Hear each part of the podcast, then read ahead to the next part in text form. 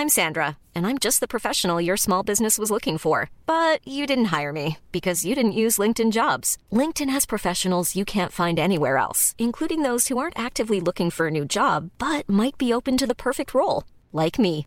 In a given month, over 70% of LinkedIn users don't visit other leading job sites. So if you're not looking on LinkedIn, you'll miss out on great candidates like Sandra. Start hiring professionals like a professional. Post your free job on linkedin.com/people today. Burrow's furniture is built for the way you live.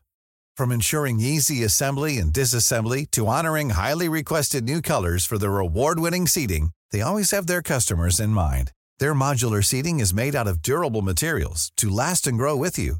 And with Burrow, you always get fast, free shipping. Get up to 60% off during Burrow's Memorial Day sale at burrow.com slash ACAST. That's burrow.com slash ACAST. burrow.com slash ACAST. Since 2013, Bombas has donated over 100 million socks, underwear, and t-shirts to those facing homelessness. If we counted those on air, this ad would last over 1,157 days. But if we counted the time it takes to make a donation possible, it would take just a few clicks. Because every time you make a purchase, Bombas donates an item to someone who needs it. Go to bombas.com slash ACAST and use code ACAST for 20% off your first purchase. That's bombas.com slash ACAST, code ACAST. Först så säger jag att du hatar mig för att jag inte är redo i tid och sen så nu så är det du som försinkar oss. Men jag var osäker vilket avsnitt det var. Du brukar ju aldrig säga rätt där ändå Peter om vi ska vara helt ärliga. Ja, jag visste. Du brukar alltid vara ett eller två nummer fel. Ah, du är fel, hela du. Hela du är ett stort fel. du. Nej, nej, det här, det, här, det här är inte bra alltså. Det är inte, se så, så här kan vi inte ha det. Så, så, jättebra. Jättegott. Hej och hjärtligt välkomna. är vi redo? Ja, jag har mina Husqvarna-hängslen på mig så jag är redo alltså. Och jag har min trähäst här bredvid, så det är inga problem. Ja, det, det är väl en trähäst ändå?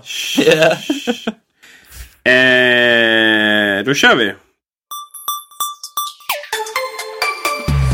Hej och hjärtligt välkomna till Macradion 105. Och idag är ordningen återställd för då har vi allas vår favorit Gabriel Malmqvist med oss och allas vår eh, näst eh, största favorit då, eh, Henrik Holm. ja men Peter, Hej. va?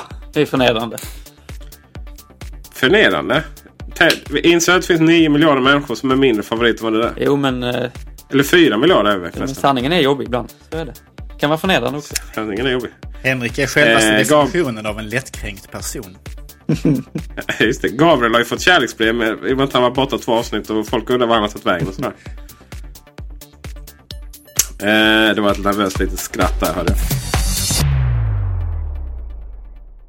Eh, två, ungefär två sekunder innan vi skulle börja spela in Macradion så släpptes iTunes 11. Och det var ju lite fräckt kan jag känna. Faktiskt. Och eh, vi har laddat hem det. Eh, och den kanske absolut viktigaste frågan vi alla har är väl Gabriel Malmqvist. Vad tycker du om ikonen? Ja, det var länge sedan man tyckte något positivt om iTunes-ikonen om jag ska vara helt ärlig. Och det är väl samma sak även denna gången. Den ser ju... Den är ju lätt inspirerad av den förra med vissa förändringar. Den ser ut att ha mer av ett djup den här gången. Um, och även um, den här notsymbolen verkar ha bytt färg från svart till vitt. Ehm, men fortfarande ganska så eh, förskräcklig ser den ut i min docka åtminstone. Har du den jämte, har du den jämte App Store-ikonen? Har faktiskt inte App Store-ikonen eh, ikon, ikonen eh, nere i dockan alls överhuvudtaget. Jag, jag, jag har en väldigt eh, strikt eh, disciplin vad gäller vilka, vilka program som faktiskt får synas i min docka vid alla tidpunkter. Såklart, det, det kan man förvänta sig av någon med min bokstavskombination. Ehm, och jag försöker göra någon slags eh, kompromiss mellan att eh, ikonerna ska se vackra ut bredvid varandra, att det ska finnas en viss ett visst flöde emellan dem samtidigt som de måste också ha viss relevans inombords eller inbördes så att exempelvis eh, Mail och Safari eh, sitter bredvid varandra och, och program som öppnar filer som exempelvis Quicktime eller eh, Preview, eh, förhandsvisaren och sådär, hör ihop också på visst sätt rent funktionsmässigt och sådär. Men eh, det, är, det är en av mina många tvångstankar naturligtvis och kanske inget som man eh, kan rekommendera andra att eh, ta efter. Är den inte lite mörkare än de andra blåa? Jo, visst är det så. Det, är lite mer, det har lite mer skuggor på sig och sådär. Problemet som jag hade med förra och även med denna är att den känns... Det känns som den hämtar inspiration från ett annat formspråk än vad ikoner traditionellt sett har haft på Macen. Ehm, och det, det, det- just det här med att han har fått lite höjd och lite så här med mer, sk- mer skuggor och sådär.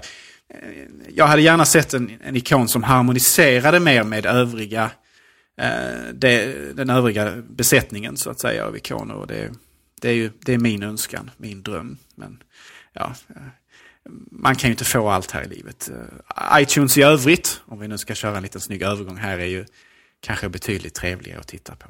Det nya. Just det, men innan vi tar den här övergången så undrar jag ju. Henrik, du har inte fått hem där iTunes där för du har någon gammal version eh, av, Mountain, äh, av Lion. Va? Ja, nu var det ju det här med att jag känner mig stött lätt och jag har blivit väldigt stött nu några sekunder innan vi börjar spela in i och med att jag inte fått ta del av det här, den här nya trevliga iTunes kanske då. Eh, jag har sett ikonen dock. Ehm, och den är ju, eh, alltså jag, jag tycker att den gamla, eh, den är jag inte så förtjust i och därav inte heller den nya. Dock så, jag vet inte, nu är vi ju inne på detaljnivå som vi brukar här i Markradion så det hör ju till, men själva noten är ju nu silvrig eller någonting sådant istället för någon blåaktig färg om inte jag har fel. Det var nog snarare svart förut. Ehm, och det, jag tycker nog att, vad, vad sa du Gabriel? Det var nog snarare svart förut. Är det så? Eller åtminstone Du har ju väldigt, kvar den dessutom. Åtminstone väldigt Ja, den, den, jag tycker den ser, eh, ja kanske svart. Ja, den Grå- är nog svart. Gråsvart kanske. zoomar in det. snarare. Jag, jag, jag tycker att det i alla fall, det uppskattar jag med det nya, att jag, jag tycker detta ser, ser faktiskt snyggare ut enligt mig. Blå och svart tycker jag inte är en snygg kombination överhuvudtaget. Så att just den, det är väl det, om jag ska lyfta fram någonting positivt kring den nya ikonen så tycker jag att det, det, det är snyggare färgsättning på själva eh, noten, så att säga. Eh, men eh, det är ju den lilla detaljen i sammanhanget här. Eh, den största skillnaden i iTunes 11 är ju gränssnittet. Och eh, frågan är, är det, till, eh, är det till dess fördel eller dess nackdel? Eller är det något som vi vill ska definiera framtiden? Ja, först och främst får man väl säga att, eh, som du sa, iTunes är precis släppt. Så att eh, det här är egentligen bara initiella intryck. Eh, men jag tycker att den omorganisering som man har gjort eh, verkar logisk och eh, vill jag nog påstå en förbättring. Eh, man får, jag tycker man får mer, en överblick av innehållet i den här versionen. Eh, man tittar på vad man liksom har att tillgå och sådär. Ehm, jag är försiktigt optimistisk till man ska säga, den filosofin då som har lett fram till den här eh, iTunes 11. Eh, hur man presenterar för användaren innehållet på, på skärmen så att säga. Jag kan, jag kan tycka att den, den här, det som skulle liksom något sätt, var ett LCD-fönster. Det är väl den första skeuomorfiska designen vi ändå hade. iTunes får man väl säga just i den, i den formen. Den är faktiskt riktigt tilltalande. Förutom eh, kanten då som eh, känns väl att man har varit lite minimalistisk där. Eh, Det känns ju onekligen som den håller på att slå i taket. Och även att det, så det är lite väldigt trångt. Det är bara ett par pixlars eh, utrymme mellan själva listen på eh, displayfönstret. Alltså den här som ska se ut som en, en liten display på fönstret. Och eh, i, i, i ena fallet då eh, slutet på fönstret på höjden.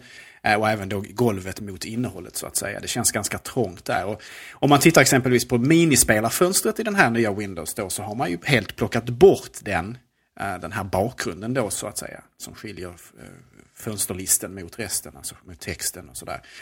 Och, och visar bara upp texten mot själva, mot själva den gråa listen. Eh, och även i eh, den här eh, eh, album art, alltså själva omslagsbilden och så här. Och jag, jag undrar om inte det hade sett bättre ut om man faktiskt hade plockat bort den även på det stora fönstret. Fått lite mer eh, konsekvent användande utav hur, hur, hur fönstren ser ut mellan det lilla och det stora läget. Eh, Och fakt, jag måste säga att det, jag tycker det, det lilla fönstret, alltså minispelarfönstret, ser bättre ut. Alltså texten funkar väldigt bra mot det gråa eh, övergången som är översta delen på iTunes, iTunes-fönstret faktiskt. Så att jag hade nog hellre sett att man plockar bort själva den här, det som ska se ut som en display på fönstret.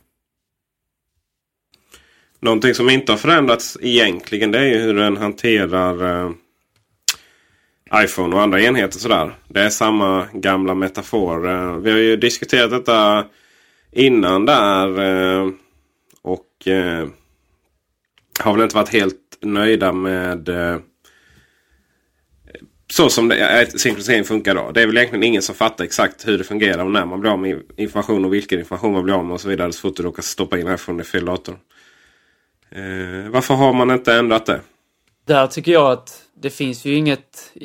Det, det är klart att vi har diskuterat att det finns fortfarande problem i övergången eh, och hur man hanterar eh, stora mediafiler och så när det inte kanske finns en infrastruktur runt det som man kan ladda ner till varje enhet eller man kan ha allting i molnet och så vidare. Men det är ändå konstigt att man inte har, för vissa saker menar jag på hade varit relativt enkla att ordna till i hur man bara beskriver olika fenomen när man gör en grej i iTunes så kan det ofta, ibland kan vara tydliga språkliga svårigheter. Vad, vad, vad händer egentligen? Och att det, det är liksom väldigt dunkelt så och även vi som är, har vi ju tagit upp innan också, att även vi som är liksom inne i detta och, och, och är någon form av professionell användare har, kan ha svårt att förstå hur, hur iTunes, som ska vara ett sånt basalt och grundläggande program, fungerar.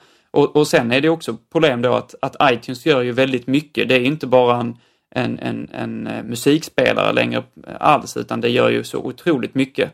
Så att det, det, jag, jag förstår inte riktigt att man har valt att behålla eh, många av de Eh, problematiska grundpremisser som, som gamla iTunes eh, hade även i den nya, den nya versionen.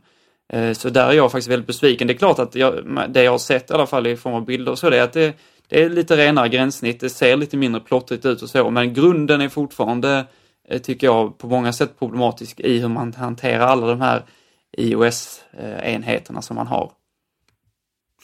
Tycker du att eh, formen i övrigt är någonting som bör definiera framtida MacOS-versioner? Alltså det, det, lilla jag har sett så tycker jag att det är... Eh, jag, jag, får reservera mig nu här i och med att jag bara sett enkla eh, enkla skärmdumpar helt enkelt. Men, men jag tycker att det ser eh, faktiskt vackert ut. Det ser ganska stilrent ut. Jag eh, är, är för den här ganska eh, raka konservativa designen. Så att ja, i, i någon mån så, så tycker jag att det ser, ser, ser trevligt ut rent visuellt så. Härligt att höra. Vi får väl se vad som händer. Eh, exakt vad som funkar vad. Eh, framförallt tänk på iCloud då, eh, och de funktionerna. För det är ju så integrerat och fint som det sagt heter. Vad det betyder och innebär och övriga funktioner i iTunes eh, 11. Som det så vackert heter numera.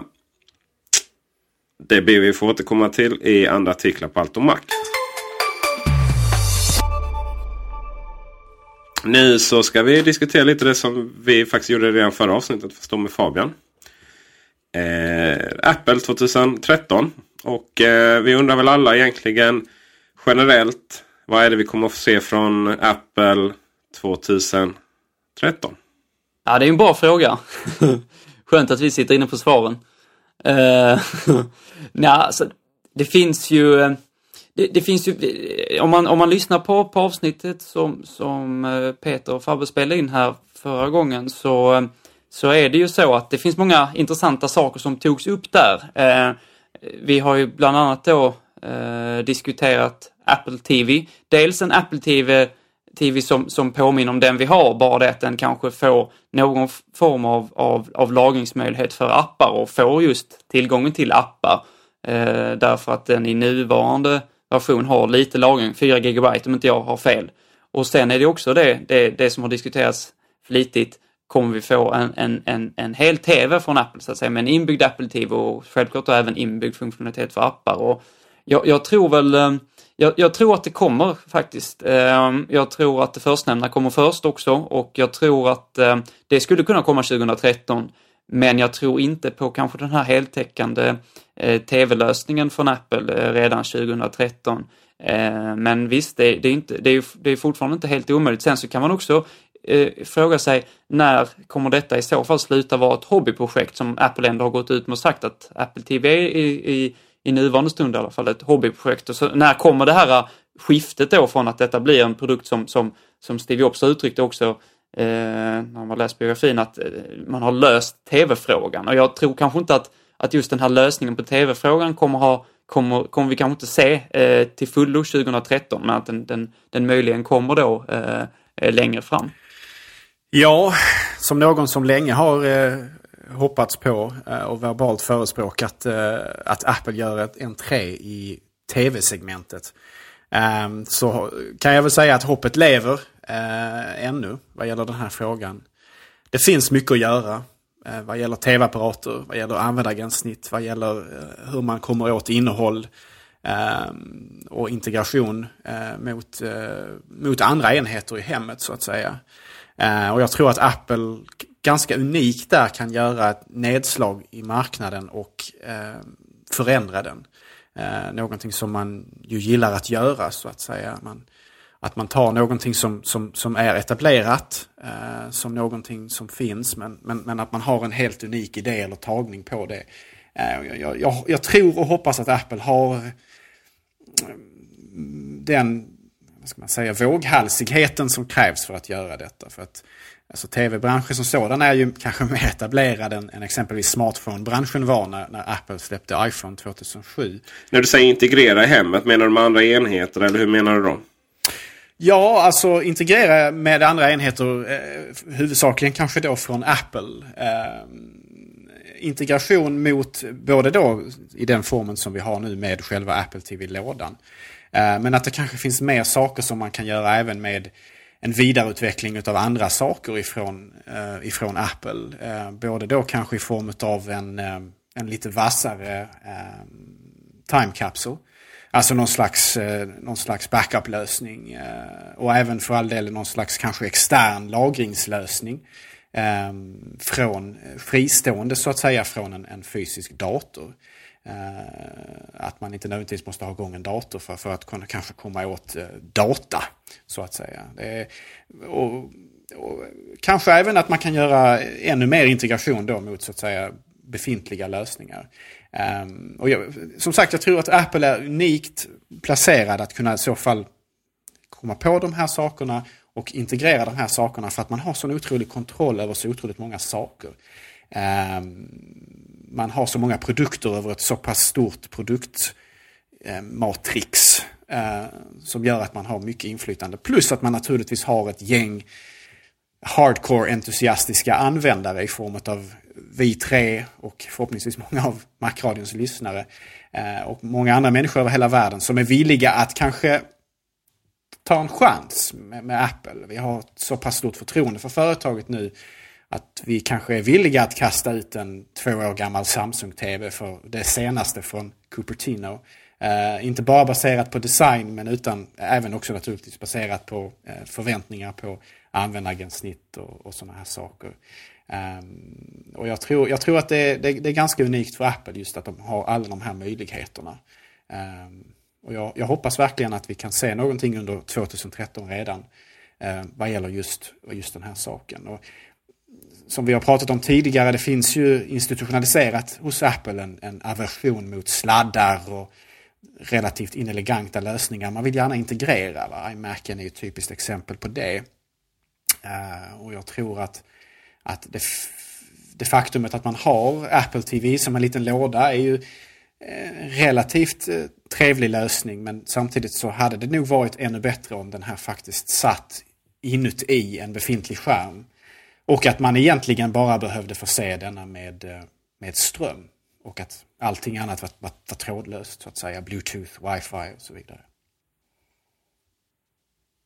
Det är intressant det du säger där Gabriel, därför att en, en, en viktig, en grundläggande sak, att man, eller anledningen till att man använder Apples produkter, det är det mervärdet man får när man, när man använder flera av deras produkter. Och där faktiskt både tror och hoppas jag att, att eh, man, man kommer att försöka ytterligare skapa ett mervärde när man använder Apples olika produkter tillsammans med varandra. För att det finns ju fortfarande saker som man kan göra där. Du, du var inne på Time Capsule och det är en intressant pryl och praktisk pryl på många sätt men den är långt ifrån eh, eh, utvecklad till sin fulla potential. Där hade man ju kunnat tänka sig att det hade funnits möjlighet att komma åt material från iOS-enheter när det gäller stora filmfiler och så som kanske inte än så länge inte går att, går att ha Eh, helt och fullt i, i, i molnet och så vidare. Så att det finns ju det finns ju mycket potential där tror jag när det gäller att skapa mervärde och det gör ju också att själva om man i, i en övergångsperiod bara har en Apple TV som, som liknar den Apple TVn vi, vi har idag, eh, kanske med något större lagring så att den får tillgång till appar, då bara, ändå så hade det kunnat finnas många nya funktioner vi skulle kunna få eh, med, med egentligen ett existerande hårdvara, bara en utveckling i hur man kan använda den och hur man kan använda den tillsammans. Så jag hoppas verkligen att detta är någonting man, att man satsar hårt på, att liksom eh, i en starkare utsträckning eh, integrera produkterna med varandra för att på, på, så sätt liksom få en helhetslösning som är så, så bra som bara Apple kan göra den. Ja, alltså det här kanske lite går händelserna i förväg, men jag, jag hoppas också att, att Time Capsule kommer att få eh, en, en livsinjektion under 2013 och göras än mer relevant för det Apple-centriska hemmet. Eh, som det är idag så är det ju en, en väldigt trevlig backup-lösning huvudsakligen mot datorer. Eh, om man har en Mac så kan man köra den automatiskt och om man har en PC så kan man väl åtminstone komma åt hårddisken manuellt via en filhanterare. Men jag tror en del av steget till att göra eh, iPhone och iPad fullständigt självständiga eh, är faktiskt att man möjliggör att de kan integrera bättre mot en, eh, mot en time capsule vad gäller backup-lösningar och sådana här saker. Så att man, om man exempelvis måste återställa en telefon och sådana här saker. Eh, om man har, har, vill ha en backup, en fullständig backup på allting på telefonen så, så är man ju fortfarande än idag till viss del eh, utelämnad till iTunes och en dator. Va? Jag hoppas ju på en framtid där jag kan säga till en människa som kanske inte har behov av en fysisk dator eller som vill göra av med sin dator att köpa en iPad istället. Det är egentligen allt du behöver. Eh, men det är ju, idag är det ju en sanning med viss modifikation för vi har ju fortfarande en viss eh, Eh, brist vad gäller både iCloud, eh, vad man får backup på där och hur man kan räkna med, hur länge man kan räkna med att det finns kvar och sådana saker. Ehm, och då att man till viss del är fortfarande beroende av datorn för den fullständiga, eh, helt pålitliga backupen. Och jag hoppas ju att Time Capsule får en, en vitamininjektion och görs än mer relevant för, för inte bara teknikentusiaster utan vanliga användare också just genom att den eh, integrerar bättre mot eh, i princip alla Apples enheter. Jag vet inte hur det är med eh, vänner men jag får i alla fall frågan i, i mitt jobb på Kullander Jansson hur, väldigt många gånger hur, hur ja okej, okay, var, var, kan jag nu lägga alla mina, mina bilder här och komma åt, komma åt de här bilderna på min timekapsel från min iPad eller från min iPhone. Och man kan komma åt från alla enheter så fortfarande. Finns, finns det ju ingen lösning där. Och det är ju, visst man har möjlighet till lagring via, via iCloud. Men detta är ju ändå begränsat. Då har man ett, ett stort bildbibliotek som faktiskt många vanliga människor har, eh, ett, ett väldigt stort bildbibliotek, eh, många, många gigabyte material, så är det ju kanske inte så att vi tänker oss att det, det 2013 i alla fall går att, går att lösa att ha allt detta i, i molnet. Det finns många begränsningar fortfarande och då hade detta kunnat vara en, en, en, en, en, en medelväg att gå, eller en lösning så länge och då hade man på något sätt i alla fall i, i, i, sitt, i sitt hemmanätverk kunnat, kunnat ha den här funktionaliteten och det hade blivit lite som du sa också Gabriel, att timekapseln hade kunnat bli någon form av, av, av lite eh, datahjärta i, i, eh, i hemmet, inte bara till backupen, också till att kanske i, i viss mån också laga material som man hade kunnat komma åt från alla enheter. Så att detta hade varit en, tycker jag, ganska naturlig utveckling och jag tror också att, eh, eller jag är övertygad om att många, många eh, av Apples kunder hade uppskattat det starkt. Jag efterfrågar, jag har efterfrågat 100 år en iTunes-server i princip. Mm. En, eh, en, en RAID-lösning, gärna som där det var möjligt att, att byta hårddiskar och sådär egentligen en NAS fast från Apple och som inte suger. Men eh, vi, har, vi har pratat mycket om, eh, om eh, iPhone och vi kommer även in på iPad och så vidare. Eh, hur ser vi på nästa iPhone egentligen? Är det så lätt som att bara säga att det kommer en iPhone 5S med eh, lite snabbare processor? Ja, alltså eh, från mitt perspektiv så så tycker jag inte att, att det inte heller eh, kanske den, en jättelätt... Alltså man, man har så otroligt stora förväntningar på Apple att de, att de ska revolutionera så, så, så starkt med sin, sin iPhone. Och jag, då har, de har dock haft modet att relativt sällan då, om man tänker på hur många iPhone-versioner som har, som har funnits, byta den, den hel, hela designen så att säga. Men det har ändå varit väldigt, väldigt stor skillnad på en, eh, på en, på en eh, 3G och 3GS exempelvis eller 4 och 4S. Så jag, jag, jag skulle tro att de, de kommer att fortsätta med den här gången, det tror jag. Men det, det, är ju, det är ju det är så att det kan ju, även om, om inte designen förändras mellan en 5 och en 5S då, eh, precis som det inte gjorde mellan en 4 och 4S, så kan det ju komma funktioner som är, är, är banbrytande. Det kan komma Eh, Eh, som ni var inne på eh, förra gången, någon form av betalfunktion, eh, NFC tror jag det kallas och sådär. Det kan komma sådana tekniker, det kan även komma annat. Så att alltså, bara för att man behåller formfaktorn så, så behöver inte det betyda att, att det inte blir en, en revolutionerande och ny telefon. Det har det ju, tycker jag, på många sätt blivit. Jag, jag håller inte med om det här att, att man har stannat upp där, utan jag tycker det är en ganska sund utveckling att man, att man relativt sällan byter design och så är det ju när det gäller datorerna och jag menar även iPadarna har ju inte någon sån här, det är inte, verkligen inte någon natt och dagskillnad på olika revisioner på, på en iPad. Så att jag tror att detta är, är fullständigt rimligt. När det kommer till iPad så är ju en, en sån grej som känns lite som iPod Touch. Att det finns inte att göra så mycket på den utan det kan bara bli tunnare och, och snabbare sådär. Ehm, kommer vi få se några nyheter där med tanke på att det precis släpptes version 4 nu? Nej, det är slut med nyheter på iPad nu. Det är den här produkten vi kommer att sälja i all tid och evighet. Vi pratar bara 2013 nu Gabriel. ja, men jag, har, jag är mer visionär där. Jag vill gärna blicka framåt och jag ser inga förändringar alls överhuvudtaget eh, för detta produktsegment. Självklart finns det saker att göra på iPaden också. Eh, kanske inte NFC exempelvis är lika relevant där därför att med en iPad har man väl kanske inte med sig i butiken på samma sätt som en iPhone. Eh, och jag vet att ni pratade lite grann om det här med eh, eh att man kunde exempelvis ladda den trådlöst och sådana här saker. En, en teknisk lösning som jag tycker är problematisk idag på många sätt, huvudsakligen därför att um, mycket av strömmen, så vitt jag vet, jag är ingen ingenjör, men huvudsak, eh, så vitt jag vet så går huvudsaken, eller huv, huvuddelen av strömmen förlorad när man, när man laddar via sån här induktionsladdning och sådär. Så det är det är en, sett ur ett miljökampsperspektiv då, om vi nu ska inta det Al Gore-perspektivet kallat, så, så är det en ganska problematisk lösning kan jag tycka. Och jag tycker inte att sladden är så problematisk så att man måste byta den mot den här trådlösa laddningslösningen. Som det ser ut nu åtminstone. Men eh, eh, jag kan inte sia om vad, vad, vad, som väntar iPaden i framtiden. Jag är väl kanske lite fantasilös där. Det är ju en fantastiskt trevlig enhet som den är. Men det finns väl säkert saker att göra prestandamässigt naturligtvis. Eh, nya funktioner och sådär. Jag, jag, känner väl kanske att till viss del även mjukvarumässigt så bör iPaden utvecklas. Vi har pratat tidigare om att den borde ha stöd för fler användare exempelvis. En ganska fundamental sak som jag tycker borde funnits på iPad vid det här laget. Uh, iPhone kan jag mer förstå att den är riktad åt en person. Uh, just eftersom att i princip alla människor har ju en telefon idag. Men en iPad kanske exempelvis borde kunna gå att dela i hemmet.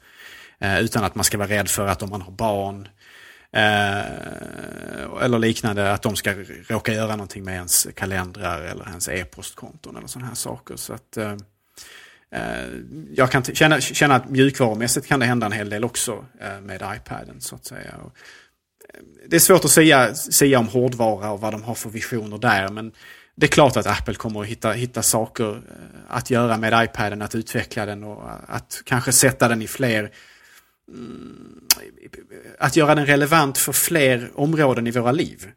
Ehm, på fler arbetsplatser eh, och där är ju tredjepartstillverkare också ansvariga till viss del.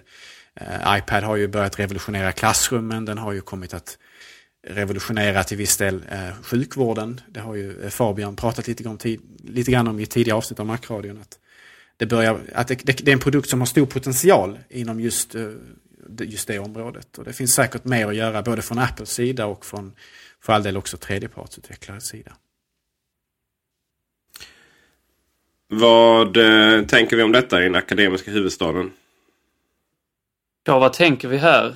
Eh, Lunda-reflektionen är väl som sådan att eh, jag tror Jag att... tänker väl snarare att eh, det sitter många ifrån Uppsala just nu och reflekterar över, eller retar sig på Henriks, eh, förlåt, Peters, Peter Esses.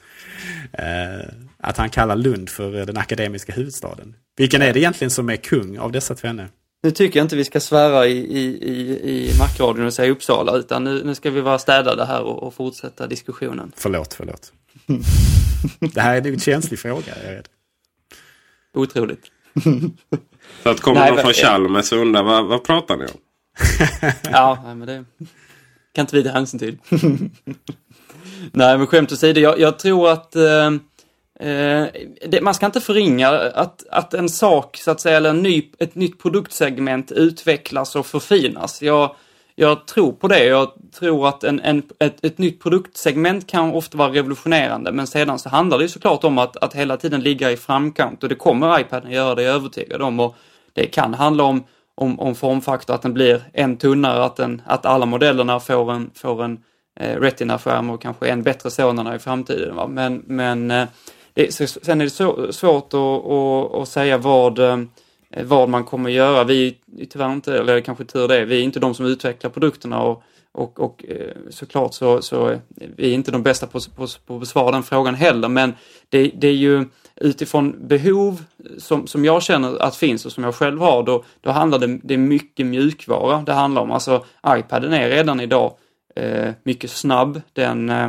är kompetent på, på, på, på många områden när det gäller hårdvara, men jag tycker det saknas mycket, det har vi diskuterat också i mjukvaran som, som Gabriel var inne på. Och, eh, tillsammans med att mjukvaran kanske på ett större sätt revolutioneras och blir mycket bättre eh, och att snarare hårdvaran då får en, en, en, liksom en, en, eh, en, en, en utveckling som är kanske inte revolutionerande men som ändå är given på något sätt med, med, med en tunnare design och, och kanske nya materialtyper och så, så, så tror jag att det är på mjukvarusidan som, som det ligger eh, när det gäller i alla fall iPaden för 2013. Där hoppas jag mycket på mjukvaran.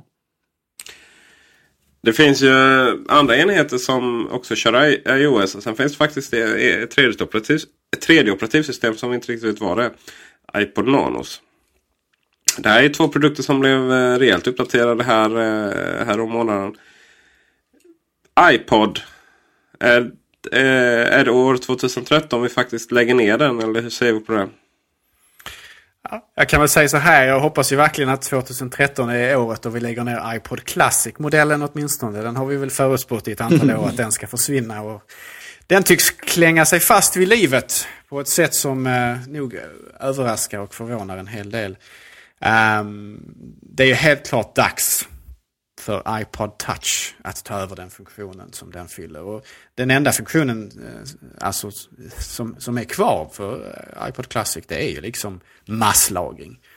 Eh, och då handlar det helt enkelt om att få ner priserna på touchen med tillräckligt mycket lagringskapacitet för att den ska vara relevant för att fylla det, det, det, det är så att säga behovet hos de, de användarna. Och låt oss hoppas att 2013 är det året. Jag kan inte tänka mig att Eh, att många köper iPod Classic nu för tiden. Men eh, den har visst eh, säkert vissa användare som fortfarande behöver så mycket plats. Så därför har den ett visst existensberättigande än så länge. Vad gäller de andra modellerna, ja, alltså kanske att man kan göra mer spännande saker med, med nanon. Nu har den ju börjat, det har börjat röra på sig lite grann med lite större touchskärm och lite mer iOS-liknande funktionalitet. Eh, det är ju babysteg här naturligtvis. Det är ju inte eh, iOS på den. Utan det är ju fortfarande något annat eh, litet hopkok från Apple. Men man har åtminstone börjat ta steget mot att ge den lite mer fun funktionalitet eller känslan av iOS i varje fall. Och jag kan tänka mig att man även där då mjukvarumässigt kanske lyckas klämma in med, med, med ett skohorn eh, iOS kanske på den här vad det lider. Eh, och därmed kanske ger den eh, kanske appar eller åtminstone att man ger den fler funktioner via egna appar. Eh, det känns som en ganska naturlig utveckling. Eh, kan jag känna åtminstone. Jag gav ju iPhone, eller gav recension 6 eh, från Apple. Fick min eh, son prova. Två och ett halvt åringen. Han är iPad-fanatiker och iPhone och det är allt som om appar. Nu är det Netflix som gäller. Vet precis var han ska hitta den röda konen och, och sen eh, sätta igång eh, hans eh, favoritprogram. Jag gav honom iPod Nanon. Så han, höll på, han tryckte på den och flippade lite och sen bara gav han tillbaka den och tyckte att den var helt irrelevant. Liksom. Eh, och jag tror det är det som är mycket problemet med den eh, iPod Nano. Utifrån ett svenskt medelsvenskt perspektiv är det ju väldigt mycket när det finns iPod Nano. säljs ju miljoner och åter miljoner exemplar i världen över. Men vi eh, är ju här och utgår ifrån våra egna behov och så vidare. Och eh, Det saknas absolut, absolut möjligheten att installera appar. Och det är väl inte så här att jag tänker på att vi ska ha Angry Birds på den och så vidare. Men eh, alla använder inte Nike. Vissa vill använda andra typer av eh, av eh, springprogram. Och det hade varit fantastiskt att kunna installera Runkit på den och så vidare. Ehm, men sen, eh, sen saknar den ju trådlöst nätverk. Det är ju det största problemet. Då hade det ju varit perfekt. Liten AirPlay-enhet och sådana saker. Ehm, eh, sen så, så där, där vill man uppgradera radiosändaren ett steg. Sen skulle jag vilja uppgradera radiosändaren ett steg till i iPod Touch. För att iPod Touch förut kändes det bara som en, liksom en avskalad eh, iPhone. Som man inte kunde göra så mycket med. Men, eller man, rätt sagt, så fort vi kom utanför huset och trådlösa nätverk så kunde man inte göra så mycket med den. Eh, men nya iPod Touchen är ju riktigt nice. Faktiskt. Med dess stora skärm. och Sen är den fantastiskt vacker. Du får gärna flika in här Gabriel och vad du tycker om det här nu efter jag har tystnat. Men jag tycker den är fantastiskt fin faktiskt. Och alla färger jag sitt till den och, och jag skulle vilja hävda att i, i, när man är på ett visst humör så är den betydligt snyggare än en iPhone. Nej, inte betydligt snyggare. Den, är betydligt, eh, den, är, den kan vara snyggare än iPhone 5 men den är betydligt snyggare än iPhone 4 nu när den känns gammal och tjock och sådär. Eh, jag saknar faktiskt en telefonsändare eh, eh i den. Alltså en, att, att helt enkelt att det är en annan version av iPhone som är billigare. Kan ha sämre kamera, kan ha lite sämre skärm. Ehm, men helt enkelt en billigare iPhone till kidsen. Den hade varit riktigt, riktigt eh, populär. Ja, jag vet inte. Ja, ja, det, det, det du föreslår, jag, jag förstår vart du, vart du är på väg. Men jag, det känns ändå som man på något sätt... Eh, man, man försöker ju ändå till, till, till, till, tillgodose det här behovet av en billigare iPhone genom att behålla tidigare modeller. Eh, och det känns lite grann som om iPod Touch kanske ändå borde vara något av en, en, en, en liten annan bäst vad gäller både prissättningen naturligtvis, den ska ju vara betydligt billigare. Eh, men att man också på något sätt måste ändå artificiellt eller inte skilja på de här produkterna. Eh, jag, jag, tror absolut inte för 2013 att vi får en, att vi får en telefonenhet i den här saken. Det, det tror jag inte mycket på. Eh, och jag tror nog att Apple åtminstone för överskådlig framtid kommer att fortsätta med att låta tidigare iPhone-modeller vara eh, budgetalternativen. Eh, snarare än att låta iPod Touch eh, spilla in över iPhonens, eh, iPhonens territorie så att säga. Eh, det känns ju på något sätt som att om jag skulle förespå något revolutionerande för iPod Touch så skulle det nog vara att den förr eller senare blir irrelevant. Alltså att, att iPhone tar över helt. Um, och att man kan få ner priset på en instegs-iPhone så pass mycket så att man inte längre behöver sälja iPod Touch-modellen. Det är väl snarare där jag ser det hända i så fall. Att iPod Touch, att den existerar för, av prisbehov snarare än någonting annat. Uh, och att den i grund och botten har en ganska begränsad relevansperiod. Uh, till, till, fram tills den dagen då man kan sälja en iPhone uh, med ett lägre pris. Uh, ett pris som gör att en förälder utan oro kan ge det till ett barn. och låta dem ha det som både en, ett verktyg och en leksak. För det är väl på många sätt så som man kan se på iPod Touch och även iPhone i, i, i rätt händer så att säga. Fast jag, jag, jag förstår det. Man har iPod eh, för att den ska vara lite billigare och liksom kidsen ska få tillgång till appar och sådär. Men jag tycker att iPod Touchen som idag, den är så vacker, den är så fin, den är så... Det är helt plötsligt en egen produkt på något sätt. Helt plötsligt. Eh, det är inte bara en, en avskalad iPhone liksom. Och eh, det är därför jag tycker det är så synd att den, att den försvinner där. Men eh, så är det. Alltså jag, jag måste ju först och främst opponera mig att, att en iPod Touch skulle vara så, så fin. jag, har svurit, jag har ju svurit över den innan. och eh, jag är beredd att göra det igen. Nej men alltså jag, jag tycker att den eh, i vissa färger är den helt okej okay, men jag, jag, tycker definitivt inte att den mäter sig med, eh, med, eh, med telefonen eh, på intet sätt.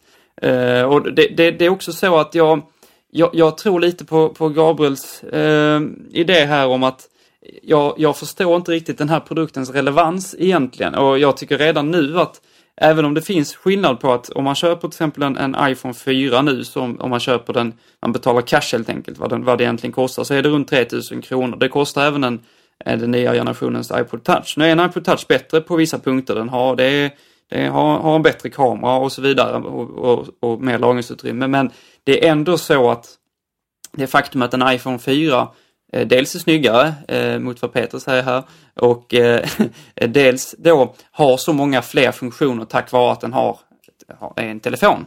Eh, så gör, jag tycker att den gör iPod Touch redan nu irrelevant. Eh, iPod Touch är alldeles för dyr också för att den ska vara eh, relevant. Om man jämför med en, både en iPad Mini och en iPhone 4 så tycker jag att en iPod Touch är på tok för dyr om man tänker på, på vad man får. Jag, jag tycker det, det, är en ganska för mig är det en lite larvig produkt nu. Det, det, har kommit lite olika färger. Det känns som det sista, det sista sättet att få den lite kul och lite, lite relevant är att göra den lite så här, ja, lite hippiekul liksom på något sätt. Men alltså jag, jag spår den här produktens död eh, och jag gör det ganska glatt faktiskt måste jag säga. Så ond är jag idag. för att jag, jag, jag, tror inte att den har något existensberättigande. Det handlar om att, att kanske pressa priset ytterligare på instegsmedlen på en iPhone. Och sen så om, om den är tillräckligt attraktiv och tillräckligt attraktivt prissatt så kommer det inte finnas någon anledning att köpa en iPod Touch. Det, det, det tror jag inte. Alltså jag hör vad ni säger men eh, ni har fel. Jag är ledsen mina vänner. det är så här att eh, iPod Touchen. Jag förstår er på något sätt för när jag. När Apple presenterade den så kändes det bara men gud vad ful den är. Och det här liksom. Ja men de har tagit liksom typ en iPhone. Och sen har man satt bara en annan färg på baksidan. Och det är helt ologiskt liksom. Eh, men sen när jag fick den i handen så började den kännas riktigt trevlig. Och det, färg, den, den recensionsex jag har det är en limegrön. Och det, jag, är, jag är ju en sucker för limegrön. Liksom. Eh, och eh, då började den faktiskt växa på en liksom formen. Och, och bakgrunden, färgglada bakgrunden, eh, baksidan förlåt, med den vita framsidan det, det, det, blir så naturligt ändå för att kanten är faktiskt riktigt snygg. Och den är, jag, jag förstår att ni liksom inte haft den i handen och närstuderat den. Men om man gör det så att den är fint. Eh, ett väldigt fint eh, form, eh, vad ska man säga, ett, ett väldigt bra jobb med den. Det är liksom inte bara så här eh, alls som den gamla iPod Touchen var. Och jag förstår att ni inte Ja, det är ni som har fel helt enkelt. Nej men eh, sen då så, så fick jag den svarta i min hand. Svarta på touchen och den känns ju ännu. Den är ju verkligen som samma byggkvalitet eh, och, och, samma känsla som den svarta eh, uh, iPod Mini då. Eh, iPad Mini förlåt. Som, de delar ju faktiskt eh, samma form där på baksidan. Eh, så jag, eh, jag hör vad ni säger men eh, Ja, ni har fel. Alltså, mm, nu kanske jag fullständigt missrepresenterar din ståndpunkt i frågan Peter. Men du menar alltså på att man ska behålla iPod Touch för att den erbjuder fler färger. Eh, vilket ju... Nej, det var inte det jag sa. ja, det var vad jag hörde i varje fall. Jag kanske har väldigt selektiv hörsel i den här frågan. Ah, nej, jag med. Jag med. Ah, alltså, jag ser väl snarare att Apple erbjuder kanske fler färger på iPhone då. Det är inget som är skrivet i sten att den bara måste levereras i i vitt och svart. Eh, för, alltså jag och Henrik pratar väl kanske mer om den på ett, liksom, vad ska man säga, ett filosofiskt plan. Eller om man, om man ser den i liksom, ett produkt, en produktmatrix. Liksom. Var, var hör den hemma? Hur relevant är den? Pris kontra liksom, vad man får, får för priset, så att säga, pengarna.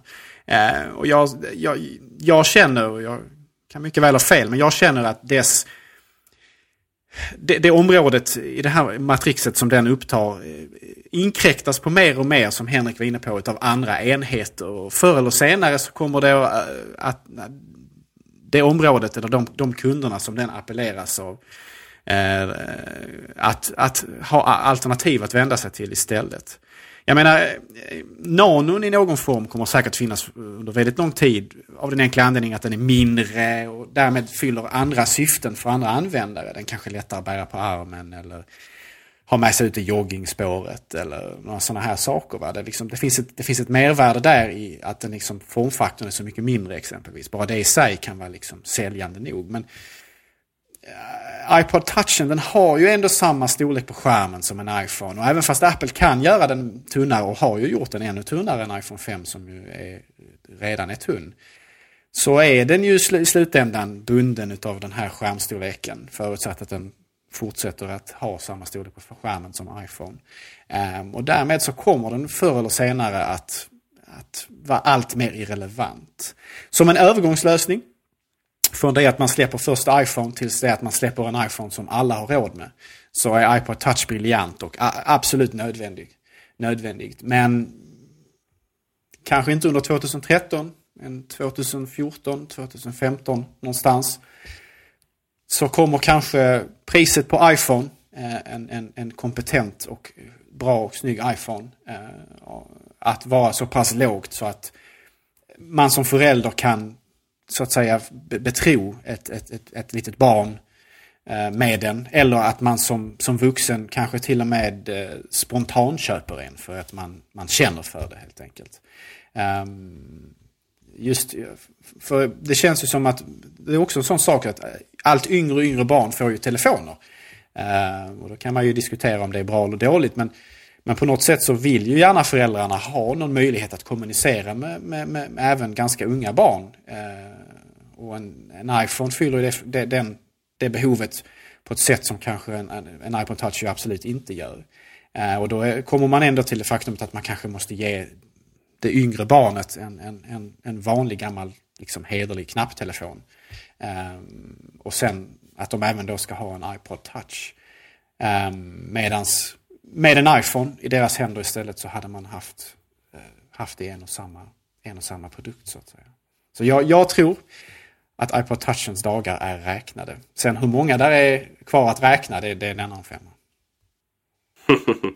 ja, vi får väl se helt enkelt. Uh, jag uh, hoppas på att du har fel.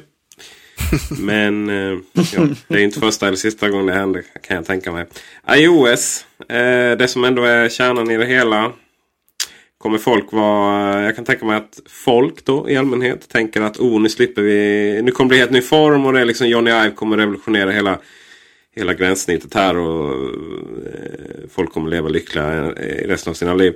Men eh, hur är det med den saken? Eh, kan det till och med vara så att iOS eh, 7 form redan är satt? Skulle jag tro. Uh, absolut. Uh, jag har nog svårt att tänka mig att... Uh, om vi nu utgår ifrån premissen att Johnny Ive ogillar uh, skomorfism. det vill säga det här att man försöker få program vara att efterlikna fysiska, dess fysiska motsvarigheter hämtade ur verkligheten. om vi nu utgår ifrån det och att han vill göra någonting åt detta. Så har han ju onekligen fått möjligheten nu i och med att han överser Apples användargränssnitt. Eh, både att han har både kontroll nu över mjukvara och hårdvara. Däremot så tror jag inte att vi kommer att se mm, hela visionen, förutsatt att han har någon, eh, för detta i iOS 7. Det är så pass mycket arbete med att både fundera ut hur det ska se ut och sedan skapa eh, ett programs användargränssnitt. Att det får nog ske iterativt, eh, steg för steg, som ju Apple normalt sett alltid gör. Det är ju sällan som Apple startar helt på, på nytt med något helt nytt utseende. Man har väl egentligen i, i modern tid bara gjort det med MacOS 10. Eh, där man fick Aqua-utseendet. Och även där fanns det ju mycket som släpade efter i form av Eh, gammal programvara och så vidare. Eh, men annars så har ju Apple en historia av att användargranskningsmässigt experimentera, implementera eh, i vissa delar som sen förs över till helheten. Eh, och sådär. Och jag tror inte att, att man kan, om man ens skulle vilja, förändra det eh, över en natt. Och framförallt inte till iOS 7 som ju ändå ligger eh, ett, vad, vad, kan det vara, ett halvår framåt i tiden eller något i den stilen. Kanske lite mer, kanske lite mindre, jag vet inte. Um, jag tror inte att iOS 7 kommer att eh, se helt annorlunda ut. Däremot så tror jag att man redan i iOS 7 kommer att kunna skönja närvaron av uh, Johnny Ives smak och tycke. Uh, I form av visuella förändringar. Ehm, svårt att säga hur, hur han hur han kommer att agera vad gäller om man tittar mer djupare på användargränssnitt och, och, och så här och frågar sig liksom eh, hur ska ett program fungera? Inte bara hur det ska se ut men hur det ska fungera. Eh, det, där är väl han eh, lite mer oprövad så att säga. Men, men hans smak och tycke vad gäller estetik som vi huvudsakligen har sett resultatet av i hårdvara är, är enligt min uppfattning i princip felfritt. Ehm, och jag är själv väldigt exalterad och förväntansfull inför att se förhoppningsvis en, en fast hand ifrån honom ehm, gällande Apples designers av program och mjukvara ehm, för både Macen och eh, iOS-plattformen som, som sådan. Vad förväntar vi oss från iOS 7 eh, funktionsmässigt? Vad är de stora nyheterna? Ja, det är en intressant fråga. Eh, jag kan tänka mig att eh, anknyta till det vi sa innan. Det gäller ju framförallt, ja det gäller nog egentligen bara iPaden med fleranvändarstöd tror jag inte alls hade varit eh, otänkbart och jag hoppas verkligen på det. iPaden eh, är ju en sån pryl som mycket väl kan ligga på, på soffbordet och som, som man kan plocka åt sig liksom olika personer i familjen och så. Det hade varit kanon att ha kopplat till sitt iCloud-konto så att man hade olika, olika konton man kunde eh, logga in på med en enkel knapptryckning på sin iPad. Så att ja, det, det tror jag inte eh, alls hade varit, eh, varit eh, orimligt överhuvudtaget. Gabriel, vad har du för tankar om eh, saker och ting utanför formen? Ja, det är svårt. Jag, jag skulle gärna vilja kunna jag skulle nog gärna vilja se att man ehm, funderar lite grann över, jag vill inte ha kanske widgets i någon traditionell bemärkelse, men att man kanske har utveckla möjligheten för eh, ikoner. eh, exempelvis då att, att signalera eh, innehåll. Att man kanske kunde ha någon slags eh, alltså, live-möjlighet på en ikon exempelvis. Så att eh, klockikonen om du så vill, alltså ikonen för, för, för tidsdelen eh, av iOS skulle exempelvis faktiskt kunna visa tiden på riktigt. Att, att, att den var animerad och, och sådär va. Eh, det är väl inte en omöjlighet exempelvis. Eh, att, man, att man arbetar åtminstone lite grann i den riktningen. Jag, widget-världen eh, som finns på, på Android är ju kanske ett steg för långt på många sätt kan jag tycka. Men samtidigt så kan jag känna en viss... Eh, om man har tittat på, på uh, Windows Phone, uh, operativsystemet 7 och 8. This is Paige, the co-host of Giggly Squad, and I want to tell you about a company that I've been loving, Olive and June. Olive and June gives you everything that you need for a salon quality manicure in one box. And if you break it down, it really comes out to $2 a manicure, which is absolutely insane. It's also so easy to get salon worthy nails at home with Olive and June. The difference between how your nails used to look when you did them yourself and now with the Manny system is a complete game changer. The best thing about Olive and June too is it's a quick dry, dries in about one minute, lasts for five days, and full coverage in up to one to two coats. Visit oliveandjune.com slash perfect Manny 20 for 20% off your first system. That's oliveandjune.com slash perfect Manny 20 for 20% off your first system system. If you thought the only way to get a more defined jawline with natural looking results was through surgery, think again. Juvederm Volux XC is a non surgical injectable gel filler that improves moderate to severe loss of jawline definition and can help you achieve natural looking results with little downtime. Even better, this improved definition lasts up to one year with optimal treatment. No maintenance required. Improve jawline definition for a smooth, sculpted look with Juvederm Volux XC. For important safety information and to find a licensed specialist, visit juvederm.com. That's J U V E D E R M.com. Not for people with severe allergic reactions, allergies to lidocaine, or the proteins used in Juvederm. Common side effects include injection site redness, swelling, pain, tenderness, firmness, lumps, bumps, bruising, discoloration, or itching. There's a risk of unintentional injection into a blood vessel, which can cause vision abnormalities, blindness, stroke, temporary scabs, or scarring. Talk to a licensed specialist to find out if it's right for you. Hi, I'm Daniel, founder of Pretty Litter. Cats and cat owners deserve better than any old fashioned litter. That's why I teamed up with scientists and veterinarians to create Pretty Litter. Its innovative crystal formula has superior odor control and weighs up to 80% less than clay litter. Pretty Litter even monitors health by changing colors to help detect early signs of potential illness. It's the world's smartest kitty litter. Go to prettylitter.com and use code ACAST for 20% off your first order and a free cat toy. Terms and conditions apply. See site for details. There's never been a faster or easier way to start your weight loss journey than with PlushCare.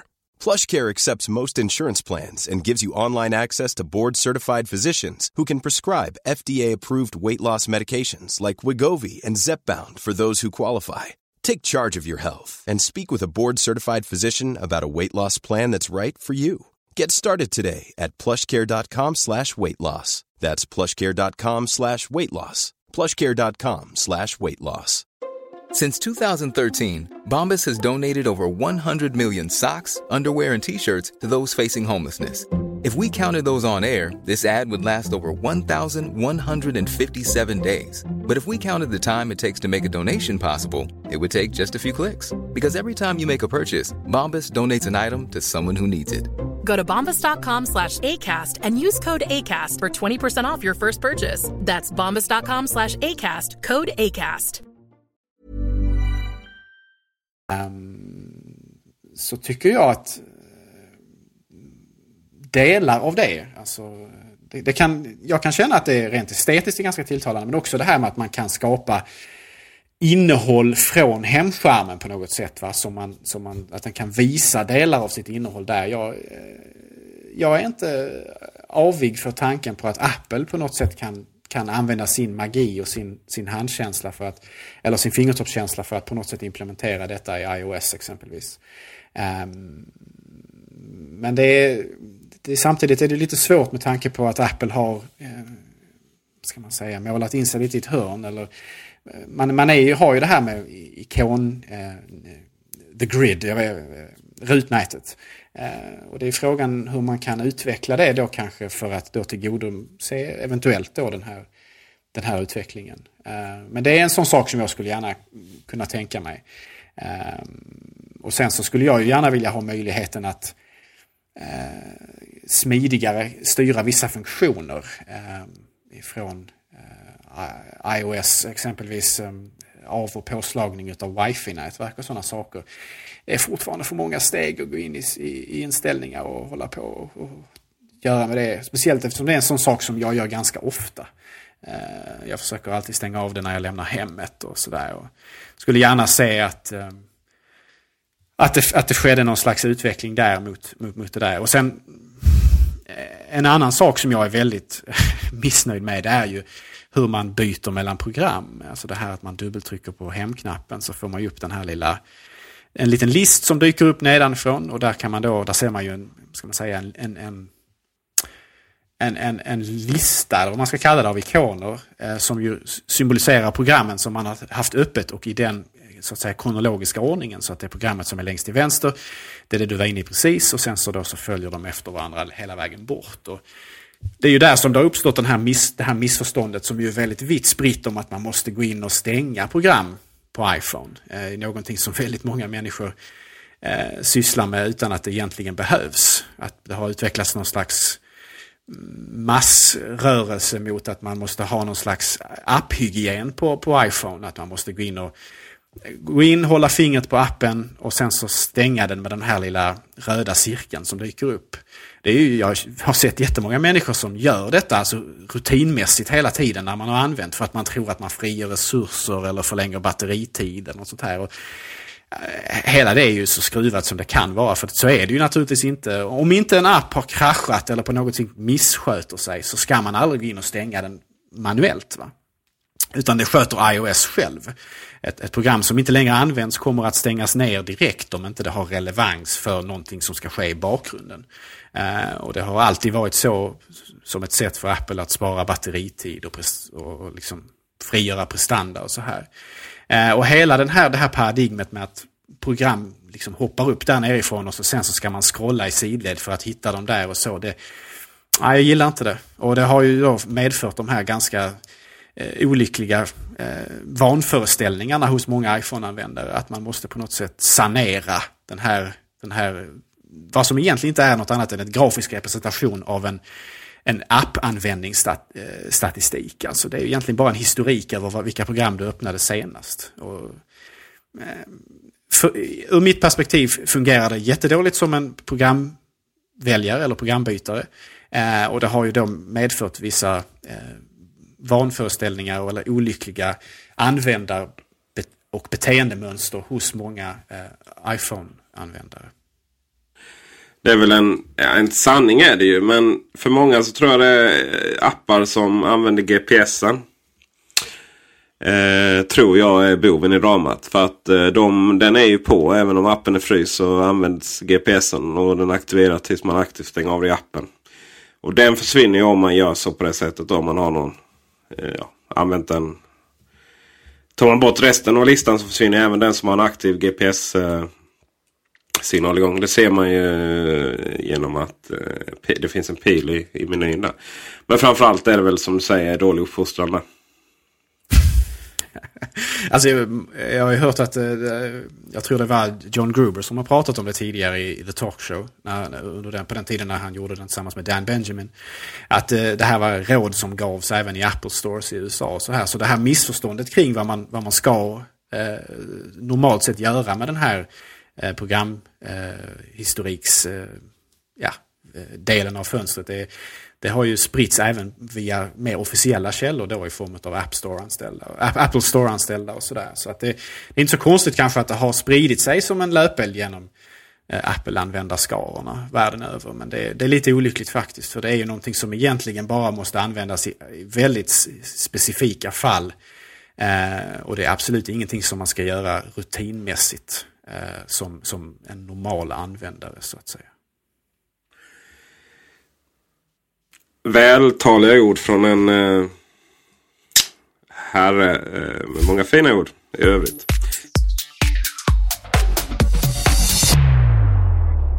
Har ni tänkt på en sak? Vi har ju inte pratat så mycket om eh, Mac, Macen och OS 10. Alls faktiskt. Det är väl en... Eh, det tar väl, talar väl också kanske lite om vad det är för fokus inför nästa år. Men eh, låt oss göra det då. Och eh, vad får vi se för nyheter inom Mac-världen? Ja, vad får vi se? Uh, vi har ju talat om, eller ni har talat om rättare sagt i förra avsnittet om uh, en, en ny Mac Pro. Och det, jag tycker det var en ganska intressant diskussion. Uh, jag, Eh, jag är dock inte, alltså jag är inte helt övertygad om att, alltså för man har ju kommunicerat till och med från Apples sida att det kommer komma någonting för professionella kunder. Frågan är, jag är faktiskt inte helt övertygad om, om att det är just en ny Mac Pro. Kan det vara så att vi får se ett nytt, eh, en helt ny typ av, av professionell dator eller produkt? Alltså för att jag, jag, jag tror lite på den idén ni var inne på att det kommer komma en dator med, med liksom utbyggnadsmöjligheter, eller det, det kommer komma utbyggnadsmöjligheter, kanske som då tar, tar tillvara Thunderbolt-teknologi och så. Och jag hade kanske jag hade kunnat tänka mig faktiskt att, att en utveckling vi kommer kunna se under nästa år, det är att man själva kanske skulle komma att kunna göra någonting med Thunderbolt-teknologin. Kommer det kanske kunna, det har diskuterats att köra eh, externa grafikkort via Thunderbolt och så vidare. Kommer det, kommer det vara någonting som antingen Apple kommer att, kommer att utveckla själva eller någonting som kommer från andra? Eh, det, det, tror jag på att det kommer i alla fall hända någonting när det gäller Thunderbolt och när det, eh, när det gäller just prof, riktat till professionella kunder. Sedan så, men, men jag är inte helt säker på att, att, att det kommer en, en, en regelrätt uppdatering av Mac Pro. Jag, jag, jag, skulle kunna tänka mig att det händer någonting ganska revolutionerande på den fronten. Eh, tyvärr är jag inte helt övertygad om vad, vad såklart, men, men jag är inte säker på att det bara blir en vanlig uppdatering och att den kommer behålla de här grundfundamenten eh, som, som den har haft. Eh, det är jag inte säker på. Sen när det gäller macken eller gäller, gäller ekosystemet kring, kring macken så, så tror jag kanske också att Eh, jag vet inte om det blir nästa år, men jag tror i alla fall att man kommer göra ytterligare satsningar på, på att få till eh, Retina-skärmar eh, till de professionella kunderna. Alltså jag menar en, en, en, en eh, stor Retina-skärm är ju en våt dröm för många liksom och det är inte alls säkert att det är möjligt att göra det nästa år. Men om man tänker sig en, eh, att det kommer en ny Mac Pro exempelvis med fetare grafik och så vidare så kanske det också hade varit en, ett, ett tillfälle att Apple vågar lansera en, en riktigt, riktigt bra stor Retina-skärm som också kostar riktigt mycket pengar. För så här har man gjort tidigare också, att man har kommit med till exempel 30-tumsskärmen som var fruktansvärt dyr och den behövde jag vet inte om det var, var eh, i princip så här jätte, det var ett jättegrafikkort som tog en stor del i, i G5 och sådär. Och, och den kostade också därefter liksom. Men man har vågat göra sådana här saker så jag hade kanske hoppats på att man verkligen vågar satsa lite pro nästa år när det gäller macken. Att man vågar satsa på de här dyra, fantastiskt bra grejerna. Eh, men sen är det osäkert på, på vilket sätt detta kommer att ske. Jag kan både tänka mig att det kommer att ske till utbyggnadsmöjligheter när det gäller Thunderbolt till de bärbara, men kanske också någon, någon ny Mac Pro. Men där är jag inte lika övertygad i, i vilken aspekt den kommer att uppdateras. Ja, vad gäller de här externa grafikkorten som du är inne på så är det helt klart någonting som jag hoppas på väldigt mycket. Men det är ju ingenting som jag räknar med ska komma från Apple utan det är nog nästan, jag är nästan säker på att det måste vara tredjepartstillverkare som levererar det. Den där sortens modulära lösningar är väl inte riktigt Apples eh, forte om vi säger så. Däremot så kanske det krävs någonting från Apples sida för att möjliggöra det eller åtminstone för att optimera det. Men det är väl kanske då snarare en mjukvarufråga än en hårdvarufråga. Eh, men det är någonting som jag gärna hoppas på. Inte kanske så mycket för Mac Pro eller vad det nu är som ersätter Mac Pro. Eh, utan då snarare kanske ur mitt perspektiv för laptops exempelvis. Så att man kan, om man gillar eh, spel och sådana här saker, så kan man ha en ultrabärbar dator som man tar med sig. En Macbook Air låt säga, låt säga. Och sen så har man då kanske en liten låda med ett grafikkort och en liten, Eh, en liten tyst fläkt i där som, som man kan koppla in snabbt och enkelt och få mer prestanda för exempelvis mer krävande applikationer eh, som spel ju exempelvis är. Så det, det, är någonting jag hoppas på, någonting som jag hoppas att Thunderbolt kan, kan, kan möjliggöra. Men det är ingenting jag räknar, ifrån, räknar med att få ifrån Apple. Um, och sen är det ju så här, alltså eh, Apples stationära i all ära. Det är ju väldigt trevligt men, men framtiden på många sätt ligger ju fortfarande hos de bär, bärbara datorerna.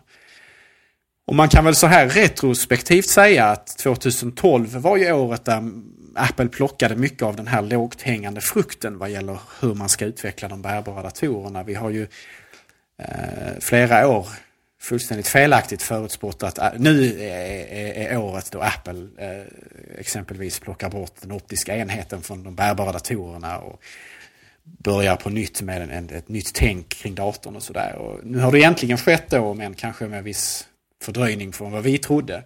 Eh, vi har ju sett de här Retina-datorerna från Apple. Vi har ju börjat få se dem i Pro-segmentet och förhoppningsvis så kommer de även att ehm, Ja, den optiska delen försvann ju naturligtvis med Macbook Air för länge sedan. Men i och med Retina Pro-modellerna så har man ju, har man ju sett en, en, en, ett ännu mer radikalt grepp där man fått den, ny, nya, den nya Eh, den nya skärmen som ju är fantastisk och som sätter Macen i paritet med både iPad och iPhone. Eh, och att man då går till en, till en lösning med eh, en, en komplett lösning med SSD. Eh, där man helt enkelt skippar möjligheten för de här fysiska traditionella hårddiskarna. Ehm, och att man samtidigt då eh, plockar bort eh, den optiska delen. Eh, gör sig av med den helt. Och därmed kan omforma på många sätt eh, förväntningarna på en professionell dator. För det är, ju, det är ju det som Mac Pro på många sätt ska vara. Det ska vara en dator för människor som behöver prestanda. Medan då Macbook Air i mångt och mycket är datorn som är för människor som behöver portabilitet.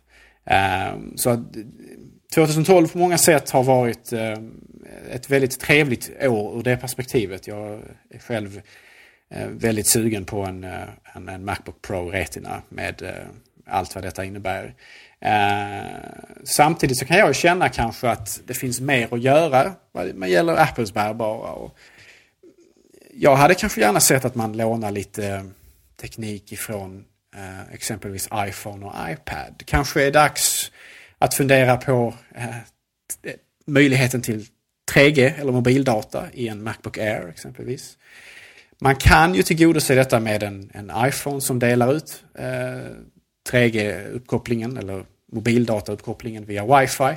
Men eh, det hade väl kanske varit trevligt om man kunde implementera detta fysiskt i datorn också. Möjligheten att ha ett simkort och, och därmed också koppla upp datorn direkt eh, mot, eh, mot internet. I en dator så finns det mer plats att implementera kraftfullare eh, antenner och sådana här saker som kanske möjliggör att mottagningen på en laptop med 3G eller mobildata skulle kunna vara bättre. Man skulle kanske kunna implementera 4G i, i fler, långt fler flav, flavörer än tidigare. Eh, som gör att den kommer kanske kunna, kunna fungera i fler länder än vad den gör exempelvis i iPhone 5 för tillfället. Eh, jag kan tänka mig att det finns, eh, det finns nog ett behov av denna sortens produkt eh, hos en hel del användare. Just mobildata i en, i en traditionell dator helt enkelt. Eh, och vi vet ju om att Apple har ju lekt med tanken tidigare. Det har bland annat dykt upp prototyper på eh, bärbara datorer från Apple som har haft integrerade mobildatalösningar. Eh, alltså datorer som Apple tillverkat men aldrig släppt som en, som en, som en produkt. Eh, och som jag har dykt upp då på typ Ebay och så här. Men ja, jag hade hoppats att man kanske tog steget där slutligen och, och, och gav oss möjligheten att ha mobildataåtkomst direkt ur en, exempelvis en Macbook Air eller en Macbook Pro. Och sen kanske det finns ett mervärde av att implementera andra funktioner från, från de här enheterna, exempelvis kanske en GPS. Um, ehm, kan vara användbart kanske. Det har ju pratats om att MacOS 10 ska få uh, Apple Maps uh, i sig. Precis som iPhone och iPad har för tillfället. Och det skulle kanske finnas ett mervärde i att ha en, en GPS-sändare och mottagare även i en, eh, i en laptop. Eh, det kanske är någonting som eh, även tredjepartsutvecklare skulle kunna använda för att göra spännande nya program eller spel eller vad det nu kan tänkas vara för någonting. Man skulle ju kunna, jag vet inte, kanske använda sig utav, eh, utav en sån här kompass. Eh, de här kompasserna som, som, som på något sätt finns hårdvarumässigt implementerade i iPhone och iPad.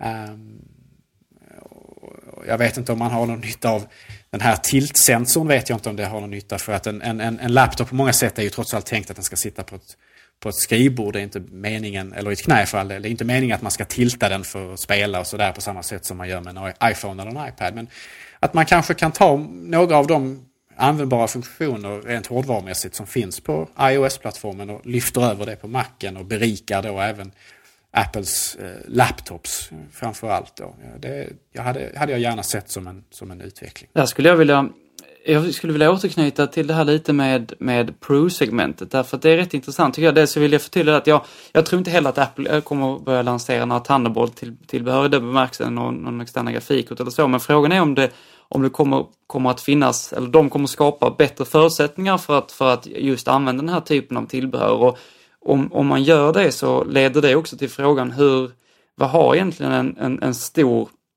låda som en Mac Pro för existensberättigande? Om det blir fler och fler Eh, om, man, om, man, kan förstärka prestanda genom externa prylar, i, i, stor utsträckning i alla fall, via Thunderbolt exempelvis.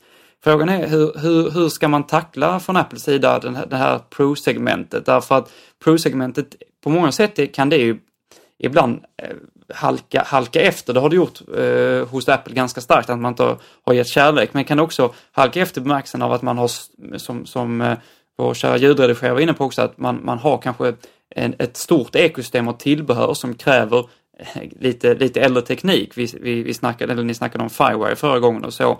Och, och frågan är hur Apple har gjort sånt här innan. Man har ju faktiskt alltså eh, sagt ganska, ganska grovt hej till det gamla, eller äh, adjö till det gamla och hej till det nya.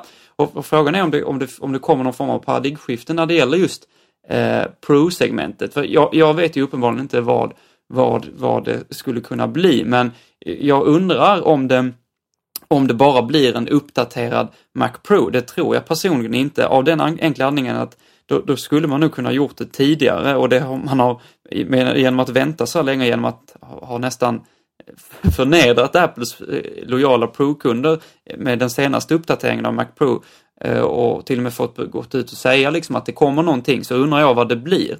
Det, det är väldigt intressant. Jag tror inte att den behåller formfaktor. Jag vet inte ens om den behåller de premisserna som vi ser hos MacPro idag. Jag, jag tror inte alls att det behöver vara så.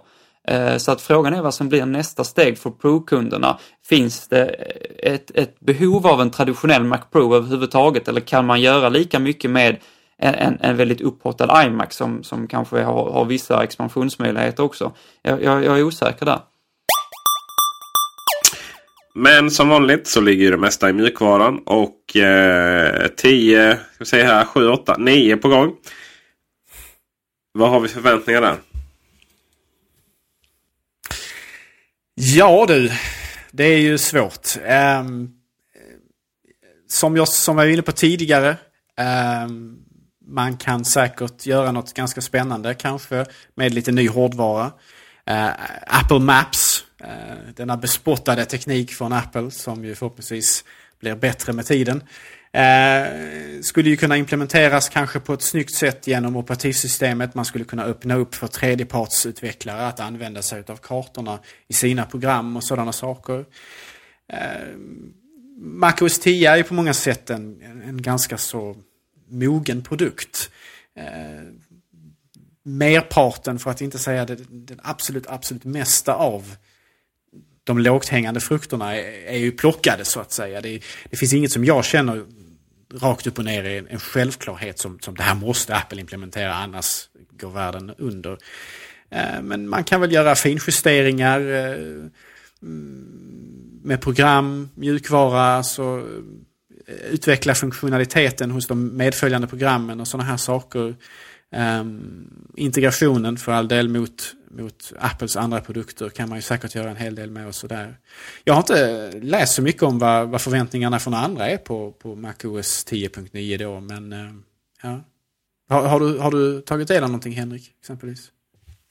Uh, nej, det har inte, inte så mycket. Det, det, är ju lite, jag ska absolut inte säga tyst, men det är tystare på, på den fronten. Det är mycket spekulationer, eller fler spekulationer kring iOS och det är av naturliga skäl också såklart. Men, men eh, och det är också, alltså jag menar man har ju, det har ju Steve Jobs själv sagt att, att eh, en, eller en, en traditionell dator kan betraktas lite som en lastbil och man behöver liksom förfina eh, liksom hela tiden men, men det är fortfarande kan, kan den behålla och vara, vara välfungerande med de grundförutsättningarna så att säga. Men eh, eh jag, jag, tror väl att, att eh, Mac OS eller OS 10 kommer att att låna, eller för implementera, man kommer att implementera en, en fler funktioner eh, från OS-plattformen och göra det på ett sätt som, som, som ger mervärde till, till Mac-plattformen. Eh, det tror jag. Det, det, kan vara kartor som, som du var inne på, men det kan också i, i, i viss mån vara att, att förenkla, eh, Eh, förenkla olika funktioner som finns på Macen idag som kanske inte hade behövt vara så,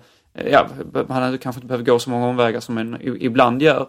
Eh, så jag tror att det handlar mycket om finjusteringar. Det är väl också någonting i och med att man, det verkar som att Apple kommer att ha ett ganska tätt uppdateringsflöde på nya versioner eh, vad det gäller OS 10 så, så kanske det blir smärre eh, justeringar, inga, inga revolutioner men, men ändå en, viktiga steg i, i utvecklingen i, i världens bästa operativsystem. Men det, det, är också så svårt när man själv inte håller på med sånt här och man är mer Eh, tyckare i någon bemärkelse så är det svårt att säga att ja, den här funktionen vill jag ha. Men om den, det väl kommer en sån funktion så kan man antingen liksom ge den, ri, äh, ge den ris eller ros. Peter, vad, vad räknar du med att få ta del av i 10.9? Alltså jag vill ju bara att allt ska vara som Snow Leopard nu snackar vi. ja, det var, det var tider det. Man saknar det. Jag, jag, det var någon som skrev någonstans att eh, Snow Leopard för Apple är vad XP var för, eh, för Microsoft. Eh, det är operativsystemet som många fortfarande håller fast vid. En osund stor del av användarna sitter fortfarande kvar med den just för att man ogillar av en eller annan orsak efterföljarna. Lion kanske framför allt, men även Mountain Lion finns det säkert somliga som inte kanske gillar. Eh, Henrik, eh, du höll väl fast vid, eh, vid eh, Snow Leopard ganska länge, var det inte så? Oh ja, jag hatar Lion och jag har den då. hatar? Ja precis, du har inte uppgraderat till Mountain Lion. Det Nej, det har jag inte. För Mountain Lion var ju, var ju ändå så här, om, om Lion var Windows Vista då så Mountain Lion är Windows 7. Eh, om man vad fan nu ska jämföra sig med det företaget som ju uppenbarligen inte riktigt gör någonting rätt just nu. Jag kan säga så att jag nedgraderade från Lion till, eh, till eh, Snow Leopard under en tid. där, har du, där har du mitt smak att tycka om det hela. Lion var ju inte en jättedålig produkt men vissa förändringarna eh, kände jag en viss, ska vi säga, diplomatiskt, diplomatiskt eh, säga att en viss tveksamhet inför. Eh, du kände vissa diplomatiska eh, tveksamheter. Är du immun? I åtalsimmunitet. Just det, jag kan, jag kan smuggla öl från Danmark. Utan att de kan ta mig till det. Ja, det får man väl jag, får man kanske göra nu för tiden. Jag, vet inte. jag känner väl mycket att eh, egentligen har jag inte så jävla mycket emot. Jag menar vad, vad skiljer de här versionerna egentligen? Jag har faktiskt börjat använda Launchpad. Jep, ni hörde vad jag sa. Helt Peter Esse har börjat använda Launchpad. Jag gillar det faktiskt. Det var sen eh, när notifieringscentern eh, där längst upp till höger. Notiscenter heter det kanske. Eh, det liksom förstörde min dygnsrytm där genom att jag tog alltid upp pilen längst upp till höger och Spotlight och började söka på program. Och den rutinen försvann ju där. Mm. Och jag vet att det går att hacka och så men jag, jag är inte sån som, som gör sådana konstiga saker med min dator. Mina datorer, förlåt. så då, då gjorde jag faktiskt som en launchpad att jag tänkte nu har Steve Jobs skänkt mig funktionen så ska jag minsann använda den. Och eh, det gör jag faktiskt på så enkelt sätt att jag eh, tar precis samma sak som jag gör på iOS. Där jag tar en mapp och så lägger allt jag inte använder så länge den på hemskärm nummer två. Och sen de mapparna jag använder har jag då på första skärmen där. Eh, och det är faktiskt, och sen har jag så att Launchpad går igång om jag drar musen längst ner till höger. Det går ju väldigt snabbt. Och sen därefter så har jag bara de viktigaste apparna eh, på rakt framför mig. Och sen så de som jag inte använder lika ofta lägger då i, i, mappar. Och det som gjorde mig absolut gladast var för att ha, ha en mapp som heter iLife och en mapp som heter iWork.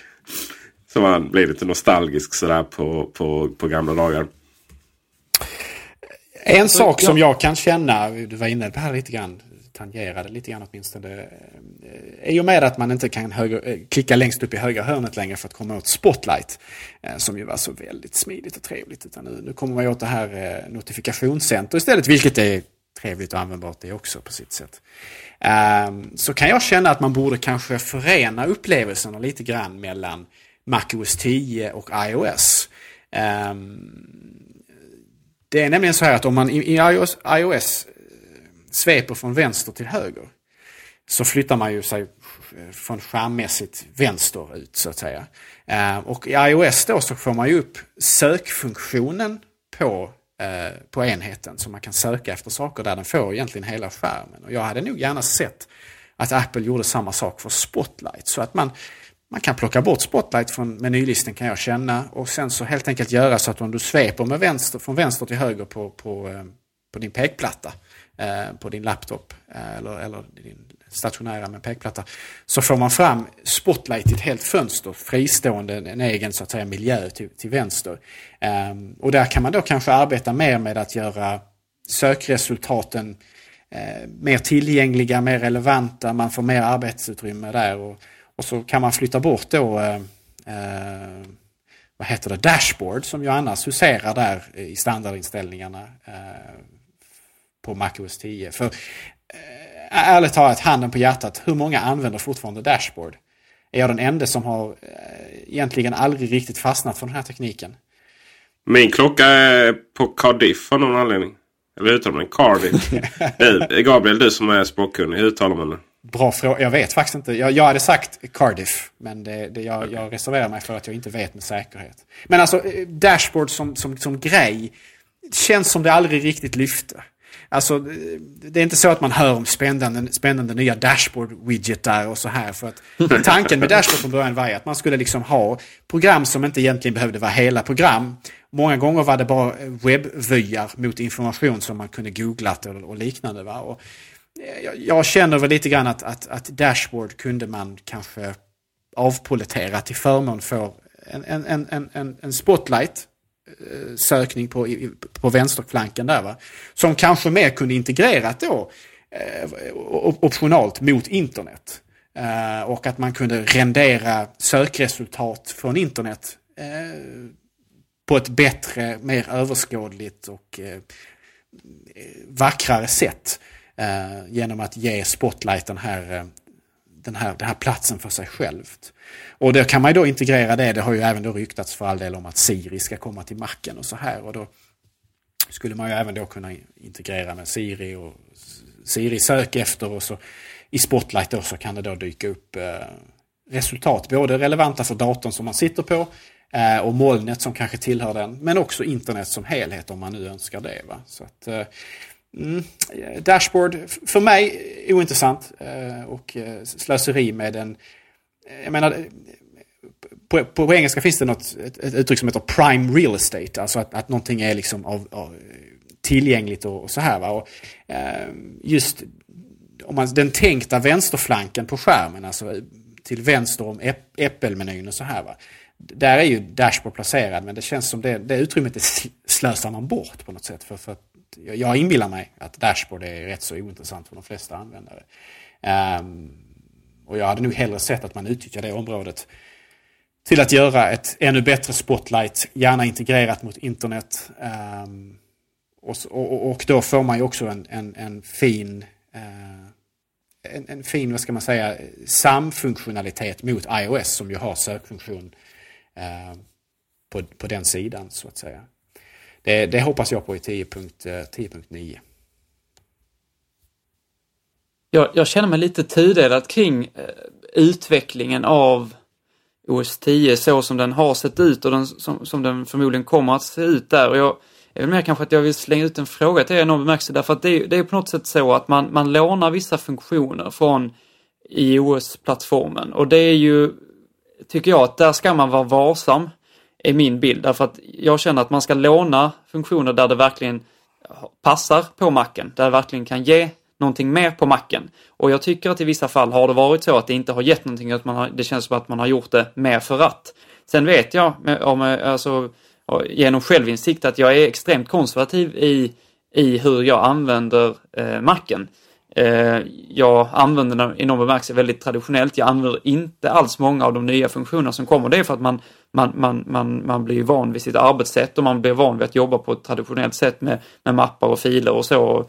Eh, jag vet att det har varit ramaskri varje gång som, som Apple har försökt ta bort eh, folks eh, totala frihet när det gäller att skapa skapa sina egna röriga mappar eller ett rörigt skrivbord som jag har. Ja, det är väl milt uttryckt egentligen. Det är ett kaos. Din hårddisk överhuvudtaget Henrik är ju... Det är som om någon har kastat en handgranat i dina, digitala, ja, är... bland dina digitala filer. Alltså. Jag har aldrig varit med om dess like. Ja, den är... Men det är väldigt charmigt. Det, det är ett... Ja, det är charmigt kaos. Så kan vi väl eh, summera det. Skämmigt börja... kaos skulle jag vilja säga. Jag har skämskudden framför mig. ja, nej, så att det, det, jag är lite intresserad av när, alltså, hur Apple kommer att resonera här. När ska man låna från iOS? Jag menar, låna Siri tycker jag är, är känns eh, givet och det kan ge ett, ett starkt mervärde. Men jag tycker också att det är viktigt att, att man inte lånar eh, och, och gör det och samtidigt offra saker som, som kan vara viktiga grundfundament i hur, hur macken fungerar. För på något sätt så tycker jag att macken måste ha en lite högre tröskel. Det måste vara ett annat arbetssätt i den än vad det är på iOS-plattformen, i alla fall när hårdvaran ser ut som, som den gör idag. Så att eh, det, det är intressant här hur utvecklingen kommer att gå, för att på vissa sätt så har man ju Eh, gjort saker som jag inte tycker om. Man har dolt eh, bibliotek och man har, ja, man, man har gjort sådana små saker som jag har känt att det här är inte rätt väg. Men å andra sidan så är det kanske så att för den breda massan så är det här eh, helt rätt. Bara det att man, att man själv som, som van mackanvändare som har varit mackanvändare länge och även kört klassik och så eh, i viss bemärkelse. Eh, att, man, att man går ifrån de, de, de grundpremisserna. Ja, bra fråga. Eh, där det är relevant är ju såklart det uppenbara svaret. Men när är det relevant? Ja, det är lättare att säga när det inte är det till exempel.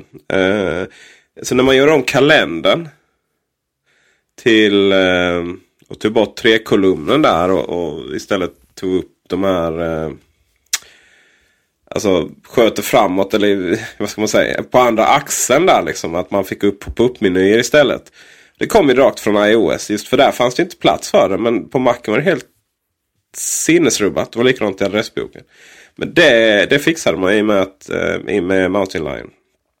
Eh, men ja, man ska, får ju absolut inte göra med Microsoft då att, att det ska vara exakt samma system till eh, allting då. Så att du har både de här tilesen eh, som definierar Windows 8 väldigt mycket på touch och, och på datorerna. Men du har också det här vanliga traditionella gränssnittet bakom. Och det blir ju bara hål i huvudet. För det, det, det funkar dåligt på alla enheter. liksom. På, eh, på, på de eh, vad ska man säga, vanliga datorerna så så är det här touchgränssnittet bara jobbigt och i vägen för det man vill göra. Och på, på tabletsen så, så hamnar man ändå i det här traditionella gränssnittet till slut. För att utvecklarna är lata och inte vill göra på det nya sättet. Och då är det ju helt värdelöst. För att vi vet ju alla vad de traditionella datorgränssnitten anpassade för möss gör med våra eh, upplevelser på touchenheter. Sådär. Så eh, ja, som du säger Henrik. Det gäller att ta det varsamt. Och det gäller att inte lägga till funktioner för funktionernas skull. Men eh, till exempel Launchpad var en sån grej som jag tyckte var ganska irriterande. Eh, och det, I början så tyckte jag det var en bra grej och sen tyckte jag det var irriterande. Och sen har jag börjat använda det själv. Och jag har hamnat igen där att det är en rätt bra grej. För att eh, min... Eh, som vi har pratat om många gånger. Min syras man som är så här riktig PC-person. Eh, eh, om man kan kalla honom person. Han eh, har ju köpt en Mac då. Och eh, det var för, nästa första frågan då andra gången jag träffade honom. Jaha, hur sorterar jag mappar i, eller hur sorterar jag program i Launchpad? Bara tänkte Launchpad? Vem använder Launchpad? Och det tror jag väldigt många gör. För jag tror att de flesta inte hittar till programappen. Utan Launchpad blir den, eh, det blir den naturliga delen för att starta program. Och då har jag, eh, har jag, jag kan börja beta av listan För jag har, lite, jag har lite önskningar för nästa version. Och Launchpad är en sån grej att den ska ju bara visa riktiga program i princip. Och eh, med riktiga program menar jag att man inte liksom ska säga så här Adobes avinstallerare och Office och olika grejer. Utan när man installerar Office så då är det Word, Excel och PowerPoint som ska visas. Och när man installerar Adobe så är det liksom bara själva programfilen som ska finnas med i Launchpad. Eh, så att där tycker jag man ska sortera upp det lite bättre kanske. Eh, en annan grej är iCloud då som där man eh, filhanteringsmässigt har ju löst det där ganska oroväckande. Då är ju tanken att i iOS så finns det inget filsystem och då ska det inte finnas i, i nya molnbaserade filsystemet i OS 10. Då är det ju så här att om jag, eh, och, och, om jag då sparar en, en fil i, i till exempel Pages på i iCloud. Eh, då kan jag öppna filen i, i i eh, Pages på iOS 10. Ehm, och jag kan öppna den i Pages på, på så iOS 10. Eh, MacOS 10 med Och jag kan öppna den i iOS, i Pages. Eh, både på iPhone och iPad och sådär. Men om jag sparar till exempel en en fil i Pixelmator i iCloud. Då finns det inget program som kan jag öppna den i, eh, på iOS. Om jag, startar, om jag sparar en fil i förhandsgranskaren på, i eh, MacOS 10. Då finns det inget program som kan öppna de pdf-erna i, i iOS. Och eh, det, roliga är till exempel om man, man kan faktiskt, jag vet inte om de har fixat den buggen. Men förut var det så att om jag sparade, jag kunde spara dock, eh, bifogade filer i mail.app då. I iCloud. Men mail själv kunde inte öppna dem sen. Det fanns ingen öppna möjlighet i mail. Så att de filerna som sparades där de eh, var liksom borta för evigt. Så var det riktigt inte för att de gick faktiskt att komma åt på ett annat sätt. Det går alltid att komma åt filerna på macken för de sparas faktiskt lokalt också. Men det är ingenting för den vanliga användaren. Um, Så det är faktiskt eh, en grej som jag, som jag känner är ganska viktig att man, att man hanterar. Man skulle egentligen gjort en Dropbox där. Så där önskar jag nog att iOS lånar mer från OS 10 kanske än tvärtom. Notiscenter är en ny rolig grej såklart. Men det kan störa mig till döds att jag gått och, och tagit bort eh, notifieringar i, i, på iOS hela dagen och har full koll. Och sen sätter man vid datorn och då finns alla de igen. Varför synkas, synkas inte den tidslinjen över? Det är jättekonstigt. Vidare så har jag en, eh, en, en liten dröm här faktiskt. Som jag kanske skulle vilja ha en kommentar på eh, från, eh, från, från er här. Nämligen man kan skicka meddelande mellan iOS och Macen och olika iOS-enheter. Man kan prata med varandra via Facetime nu, och numera är vi över 3G-nätet också. Men man kan inte ringa mellan varandra. Och hade inte det varit riktigt, riktigt härligt om vi helt enkelt ringde varandra mellan iOS och, ringde, och även fick upp det på Macen. Så gick det via Apples interna meddelande, eller förlåt, eh, system istället för ut via operatören. Då är ju frågan vad operatörerna hade sagt om detta. Det är väl lite, det, är väl lite det som är problemet kanske. att uh, Apple håller ju redan på att plocka bort en av eh, eh, de riktiga brödvinnarna i, i teleoperatörernas strategi det är ju sms. Alltså det är någonting som man historiskt sett har tagit hutlöst mycket betalt för extremt lite data. Eh, för att man kunnat det. Och i och med iMessage då eh, så håller ju Apple på att åtminstone mellan eh, Apple-användare att plocka bort den här inkomstkällan för mobiltelefonoperatörerna. Och då är ju Eh, och frågan om man tar det ett steg längre och, och, och och tar det över till, till, till röst också så att säga. Och närmar sig det här med Google Voice och sådana här saker. Då, ja, det, det, det, det är en känslig fråga. Jag, jag är inne på din på, på ditt håll Peter att man borde göra det. Man borde egentligen förpassa mobiltelefonoperatörerna till, till i princip dumma datalevererare. Alltså någonting som, som, som hanterar data. Som inte eh, har tjänster i övrigt utan som, som skickar data helt enkelt. Men då får man ju nog också vara beredd på att datatrafik kommer att kosta mer. För att på många sätt så har man ju använt sig av de här hutlösa vinsterna som man gjort på sms-tjänster och till, till viss del även på ett portal då. För att kanske då subventionera eller åtminstone hålla nere priset på, på datatrafik så att säga. Men det, det hade ju helt klart varit en väldigt trevlig utveckling att man helt enkelt betalade per gigabyte använt data helt enkelt. Och att eh, röst och bild och text och precis allting gick den vägen och inte behövde ta, ta en omväg via dessa ganska vid det här laget förlegade tekniker. Eh, jag menar sms har ju en, en teckenbegränsning som är sådär liksom lite småkorkad och någon slags kvarleva från förr och sådär. Eh, som man kan överbrygga rent tekniskt va? Men, men som ändå är, eh, visar ju på hur, hur gammalt det här eh, det här systemet faktiskt är. Och det är ju den här teckenbegränsningen som även har implementerats eh, som har satt begränsningarna för Twitter. Twitter var ju en gång i tiden baserat på sms-tjänst. Och tanken var att man skulle smsa in sina tweets eller något i den stilen. Så att, ja. Det här är gammal teknik som används och det är kanske dags att gå över till en mer flexibel eh, teknisk lösning med, med, data helt enkelt. Bara, bara att allting är data. Men det är, det är en känslig fråga.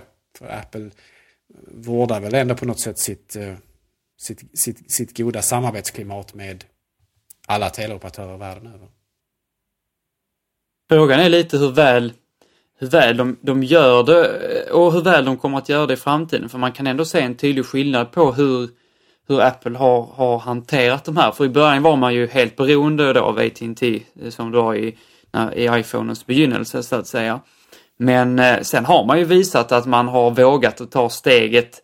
Dels därför att man har, det har snarare blivit det omvända, eller det är det omvända förhållandet, det vill säga att, att operatörerna är beroende av Apple på många sätt, därför att man alla vill ha deras eh, Apples telefoner. Och, och, och då, då, är det intressant att hur, för jag, jag, tror att Apple kommer att bli mer och mer nonchalanta för operatörernas, eh, på många sätt, eh, eh, idiotiska liksom att man håller kvar vid de här gamla teknikerna. Jag är övertygad om att, att Apple kommer att, att för, alltså förpassa eh, de här operatörerna till att bli just dataleverantörer. Och vi har ju redan sett hur man stegvis har gjort det med Apples tekniker också, hur, hur mycket det har eh, gett problem till operatörerna i, i form av uteblivna in, intäkter och sådär. Så att det, det, är klart att jag, jag, jag tror att visst, det, det, det, finns en, det är absolut ingenting som händer 2013, men det är någonting som kommer att hända, det är bara en fråga om tid och då kanske det kan komma upp problem med, ja, då, vad finns det då för, för standardlösningar för att kommunicera med varandra? Kan man, kan man vidga det så att även man kan skicka sådana här eh, iMessage-meddelanden exempelvis till andra enheter eller andra operativsystem. Det, det, är en fråga som, som man klart kommer att konfronteras med i någon bemärkelse. Men jag är ganska övertygad om att eh, stund, det har redan börjat den här utvecklingen till att göra operatörerna till, till i någon bemärkelse dumma dataleverantörer. Men, men jag tror att Apple kommer bli mer och mer vågade på det här planet också för att jag är rätt så övertygad om att i grunden så tycker inte Apple om operatörerna och så som de fungerar. Jag vet att Steve Jobs på många sätt avskydde dem och eh, vill eh, hitta lösningar för att till och med komma, komma bortom dem i, i, när man utvecklade iPhonen. Men även, och då fanns det ingen, ingen lösning som i realiteten skulle fungera. Men jag, jag, jag tror att det är den utveckling vi ser, utan någon som helst tvekan. Jag, jag tror en, en del av det här eh, är också att det har ju historiskt sett varit så att många användare vänder sig till teleoperatören när det gäller att köpa en telefon en mobiltelefon. Eh, att teleoperatörerna har ju egen, egna butiker med egen personal eh, och, och, att de behöver använda sina egna system för att, eh, för att aktivera användarkonton och sådana här saker. Alltså det, det är också någonting som jag tror Apple gärna hade velat plocka bort som ett, som, en, som ett maktmedel från teleoperatörerna. Så att man, alltså varför skulle man inte bara kunna gå in hos oss på Kullander Jansson köpa en iPhone. Och sen så skulle egentligen det enda du gör för att använda Telias nät, nät vara att du loggar in. Att du har kanske ett användarnamn och ett lösenord och sen så är du online via Telia. Eh, och sen så använder du deras tjänster och så, så, konsumerar du en viss mängd data och så, och så tar de betalt från dig den vägen. Eh, och som det är nu istället så går man till en teleoperatör och sen så har de beställt en telefon från Apple som du eventuellt kan få eller så ska de guida dig i djungeln utav telefoner. Då kanske man har, har vissa ekonomiska incitament som säljare att kränga den senaste Android-luren istället för att sälja Apples fantastiska skapelser. Um, ehm, och det är ju det är en makt som, som jag tror gärna Apple hade fråntagit de här operatörerna. Och, att man gjorde mer att datorer, eller att telefonen är som en dator. Du går till en, du går till en butik eller, eller om du är mer sådär med att man beställer över internet eller vad det nu kan vara. Och, och, och egentligen inte behöver göra mycket mer än att man loggar in. Eh, rent tekniskt är det kanske mer komplicerat än så i bakgrunden och sådär. Jag, jag vet inte men eh, på något sätt att, att, att alltså ännu mer avväpna Telia och Tre och alla de här eh, stora spelarna. Eh, och, och, och, göra kundernas relation till Apple direkt. Så att de vänder sig till Apple oavsett om det är till, till Apples eh, hemsida eller om det är till, till Apples butiker eller om det är till, som i, i vårt fall, tredjepartsbutiker. Eh, och, och har den relationen istället för att man går till Telia och den vägen fixar en, en lur från Apple. Eh, samtidigt som man då får alla alla, alla propåer om att man borde kanske köpa en annan lur eller uppgradera det ena med det tredje och sådär. Så att, eh, det, det, är också en del av eh, problematiken kring eh, leverantörerna. Just att de har så väldigt mycket makt och inflytande över kunder. Eh, speciellt av kunder som kanske är lite obeslutsamma och inte riktigt vet vad de är ute efter. Och sådär. Eller för all del okunniga. Det är många människor som jag har pratat med som eh, Eh, inte på något sätt ointelligenta, absolut inte, va? men som inte kan så mycket om teknik och som, som kommer fram och säger nu har jag köpt iPhone och sen så eh, hovar de fram någonting från Samsung där för att de antar att iPhone är någon slags samlingsord för allting som, som har pekplatta och kan surfa på internet. Eh, och det är ju det är ett problem för Apple också på många sätt. Eh, klart fina är ju när de i, i telefonbutikerna säger att du ska köpa en Android-telefon för den är säkrare för den har antivirus. en klassiker det där. ja. Jag är ju inte helt ärlig. Eller det finns mer appar och sådana här liksom. Som ju snart i och för sig en...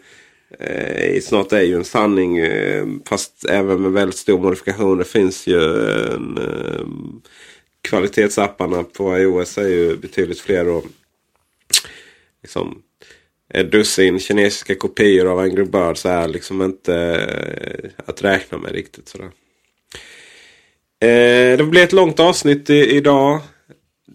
Jag har bara en fråga innan vi avslutar. Eh, som återknyter till det vi pratade om innan. Finns det någon användning för iTunes? När vi har Spotify och liknande konkurrenter här. ja du. Eh, hur, hur, hur, långt vill du att avsnittet ska vara idag egentligen? eh, jag hoppas verkligen och innerligt med hela min kropp och själ att Apple anammar tanken bakom Spotify och släpper en konkurrent till denna. Med Apples användargränssnitt och eh, möjlighet att integrera mot andra Apples enheter.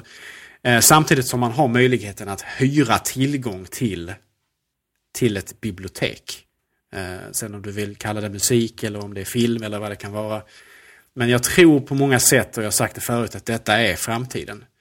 Eh, I långt mycket större utsträckning. Och eh, jag är själv eh, en, man, en människa som har på många, många gånger köpt musik från Apple men som nu för tiden faktiskt, tyvärr, ska jag säga, inte tyvärr kanske, men som använder mig av Spotify i långt mycket större utsträckning. Eh, både för mina egna behov men även just för att eh, det också möjliggör att om man har eh, gäster eller fest eller vad det nu kan vara så behöver människor inte plocka med sig CD-skivor längre eller hoppas att jag har rätt musik i mitt bibliotek. utan Att eh, vem som helst kan använda datorn för att komma åt vilken musik som helst och spela den direkt. Det är friheten och kraftfullheten med det där är, det är svårslaget alltså. Och det är, det är någonting som Apple måste, måste inse är, ett, eh, är en svår konkurrent. Och det är någonting man måste möta upp med, med en egen lösning där.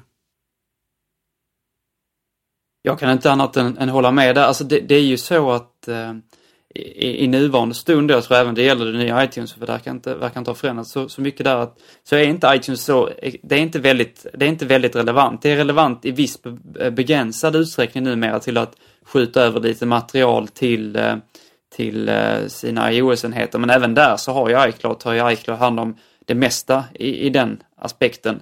Så iTunes, eh, även om jag använder faktiskt, jag är lite gammaldags såklart, så att jag, även om jag använder iTunes, så jag eh, använder i viss mån i traditionell bemärkelse, jag använder inte så mycket Spotify faktiskt, så gör ju de flesta det och jag inser också storheten med med, med eh, de, de eh, möjligheter som Spotify ger. Så att om inte Apple går in i detta så tror jag på något sätt att iTunes kommer att eh, ja, fördummas till någon form av, av överföringsprogram för data och i väldigt snar framtid inte ens det för att det kommer inte heller behövas längre. Och då är det frågan om man ska ha iTunes till, ja, överlag liksom.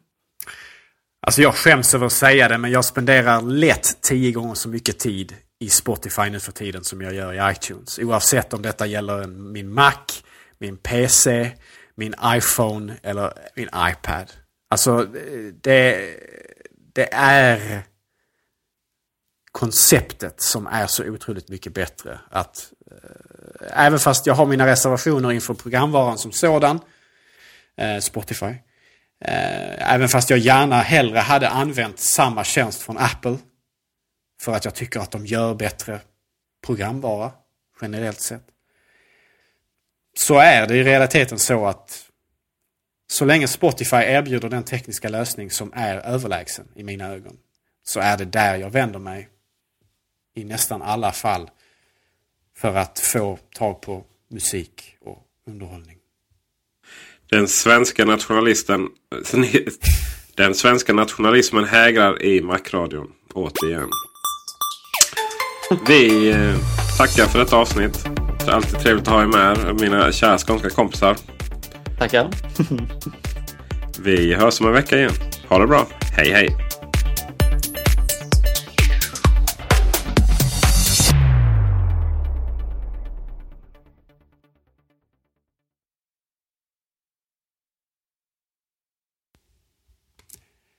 Ah, två timmar det är för mycket alltså. Jag, håller på, jag får nog bäras ut på bår nu. Vi ska hjälpa dig Gabriel. Uh, det är förbaskat trevligt med Macradion men, men nära nog två timmar börjar... Uh, det börjar ta på kraften. Det tar man är sulten. Man, man är sulten och man har inte längre sina Husqvarna-hängslen på sig. Och trähästen är borta.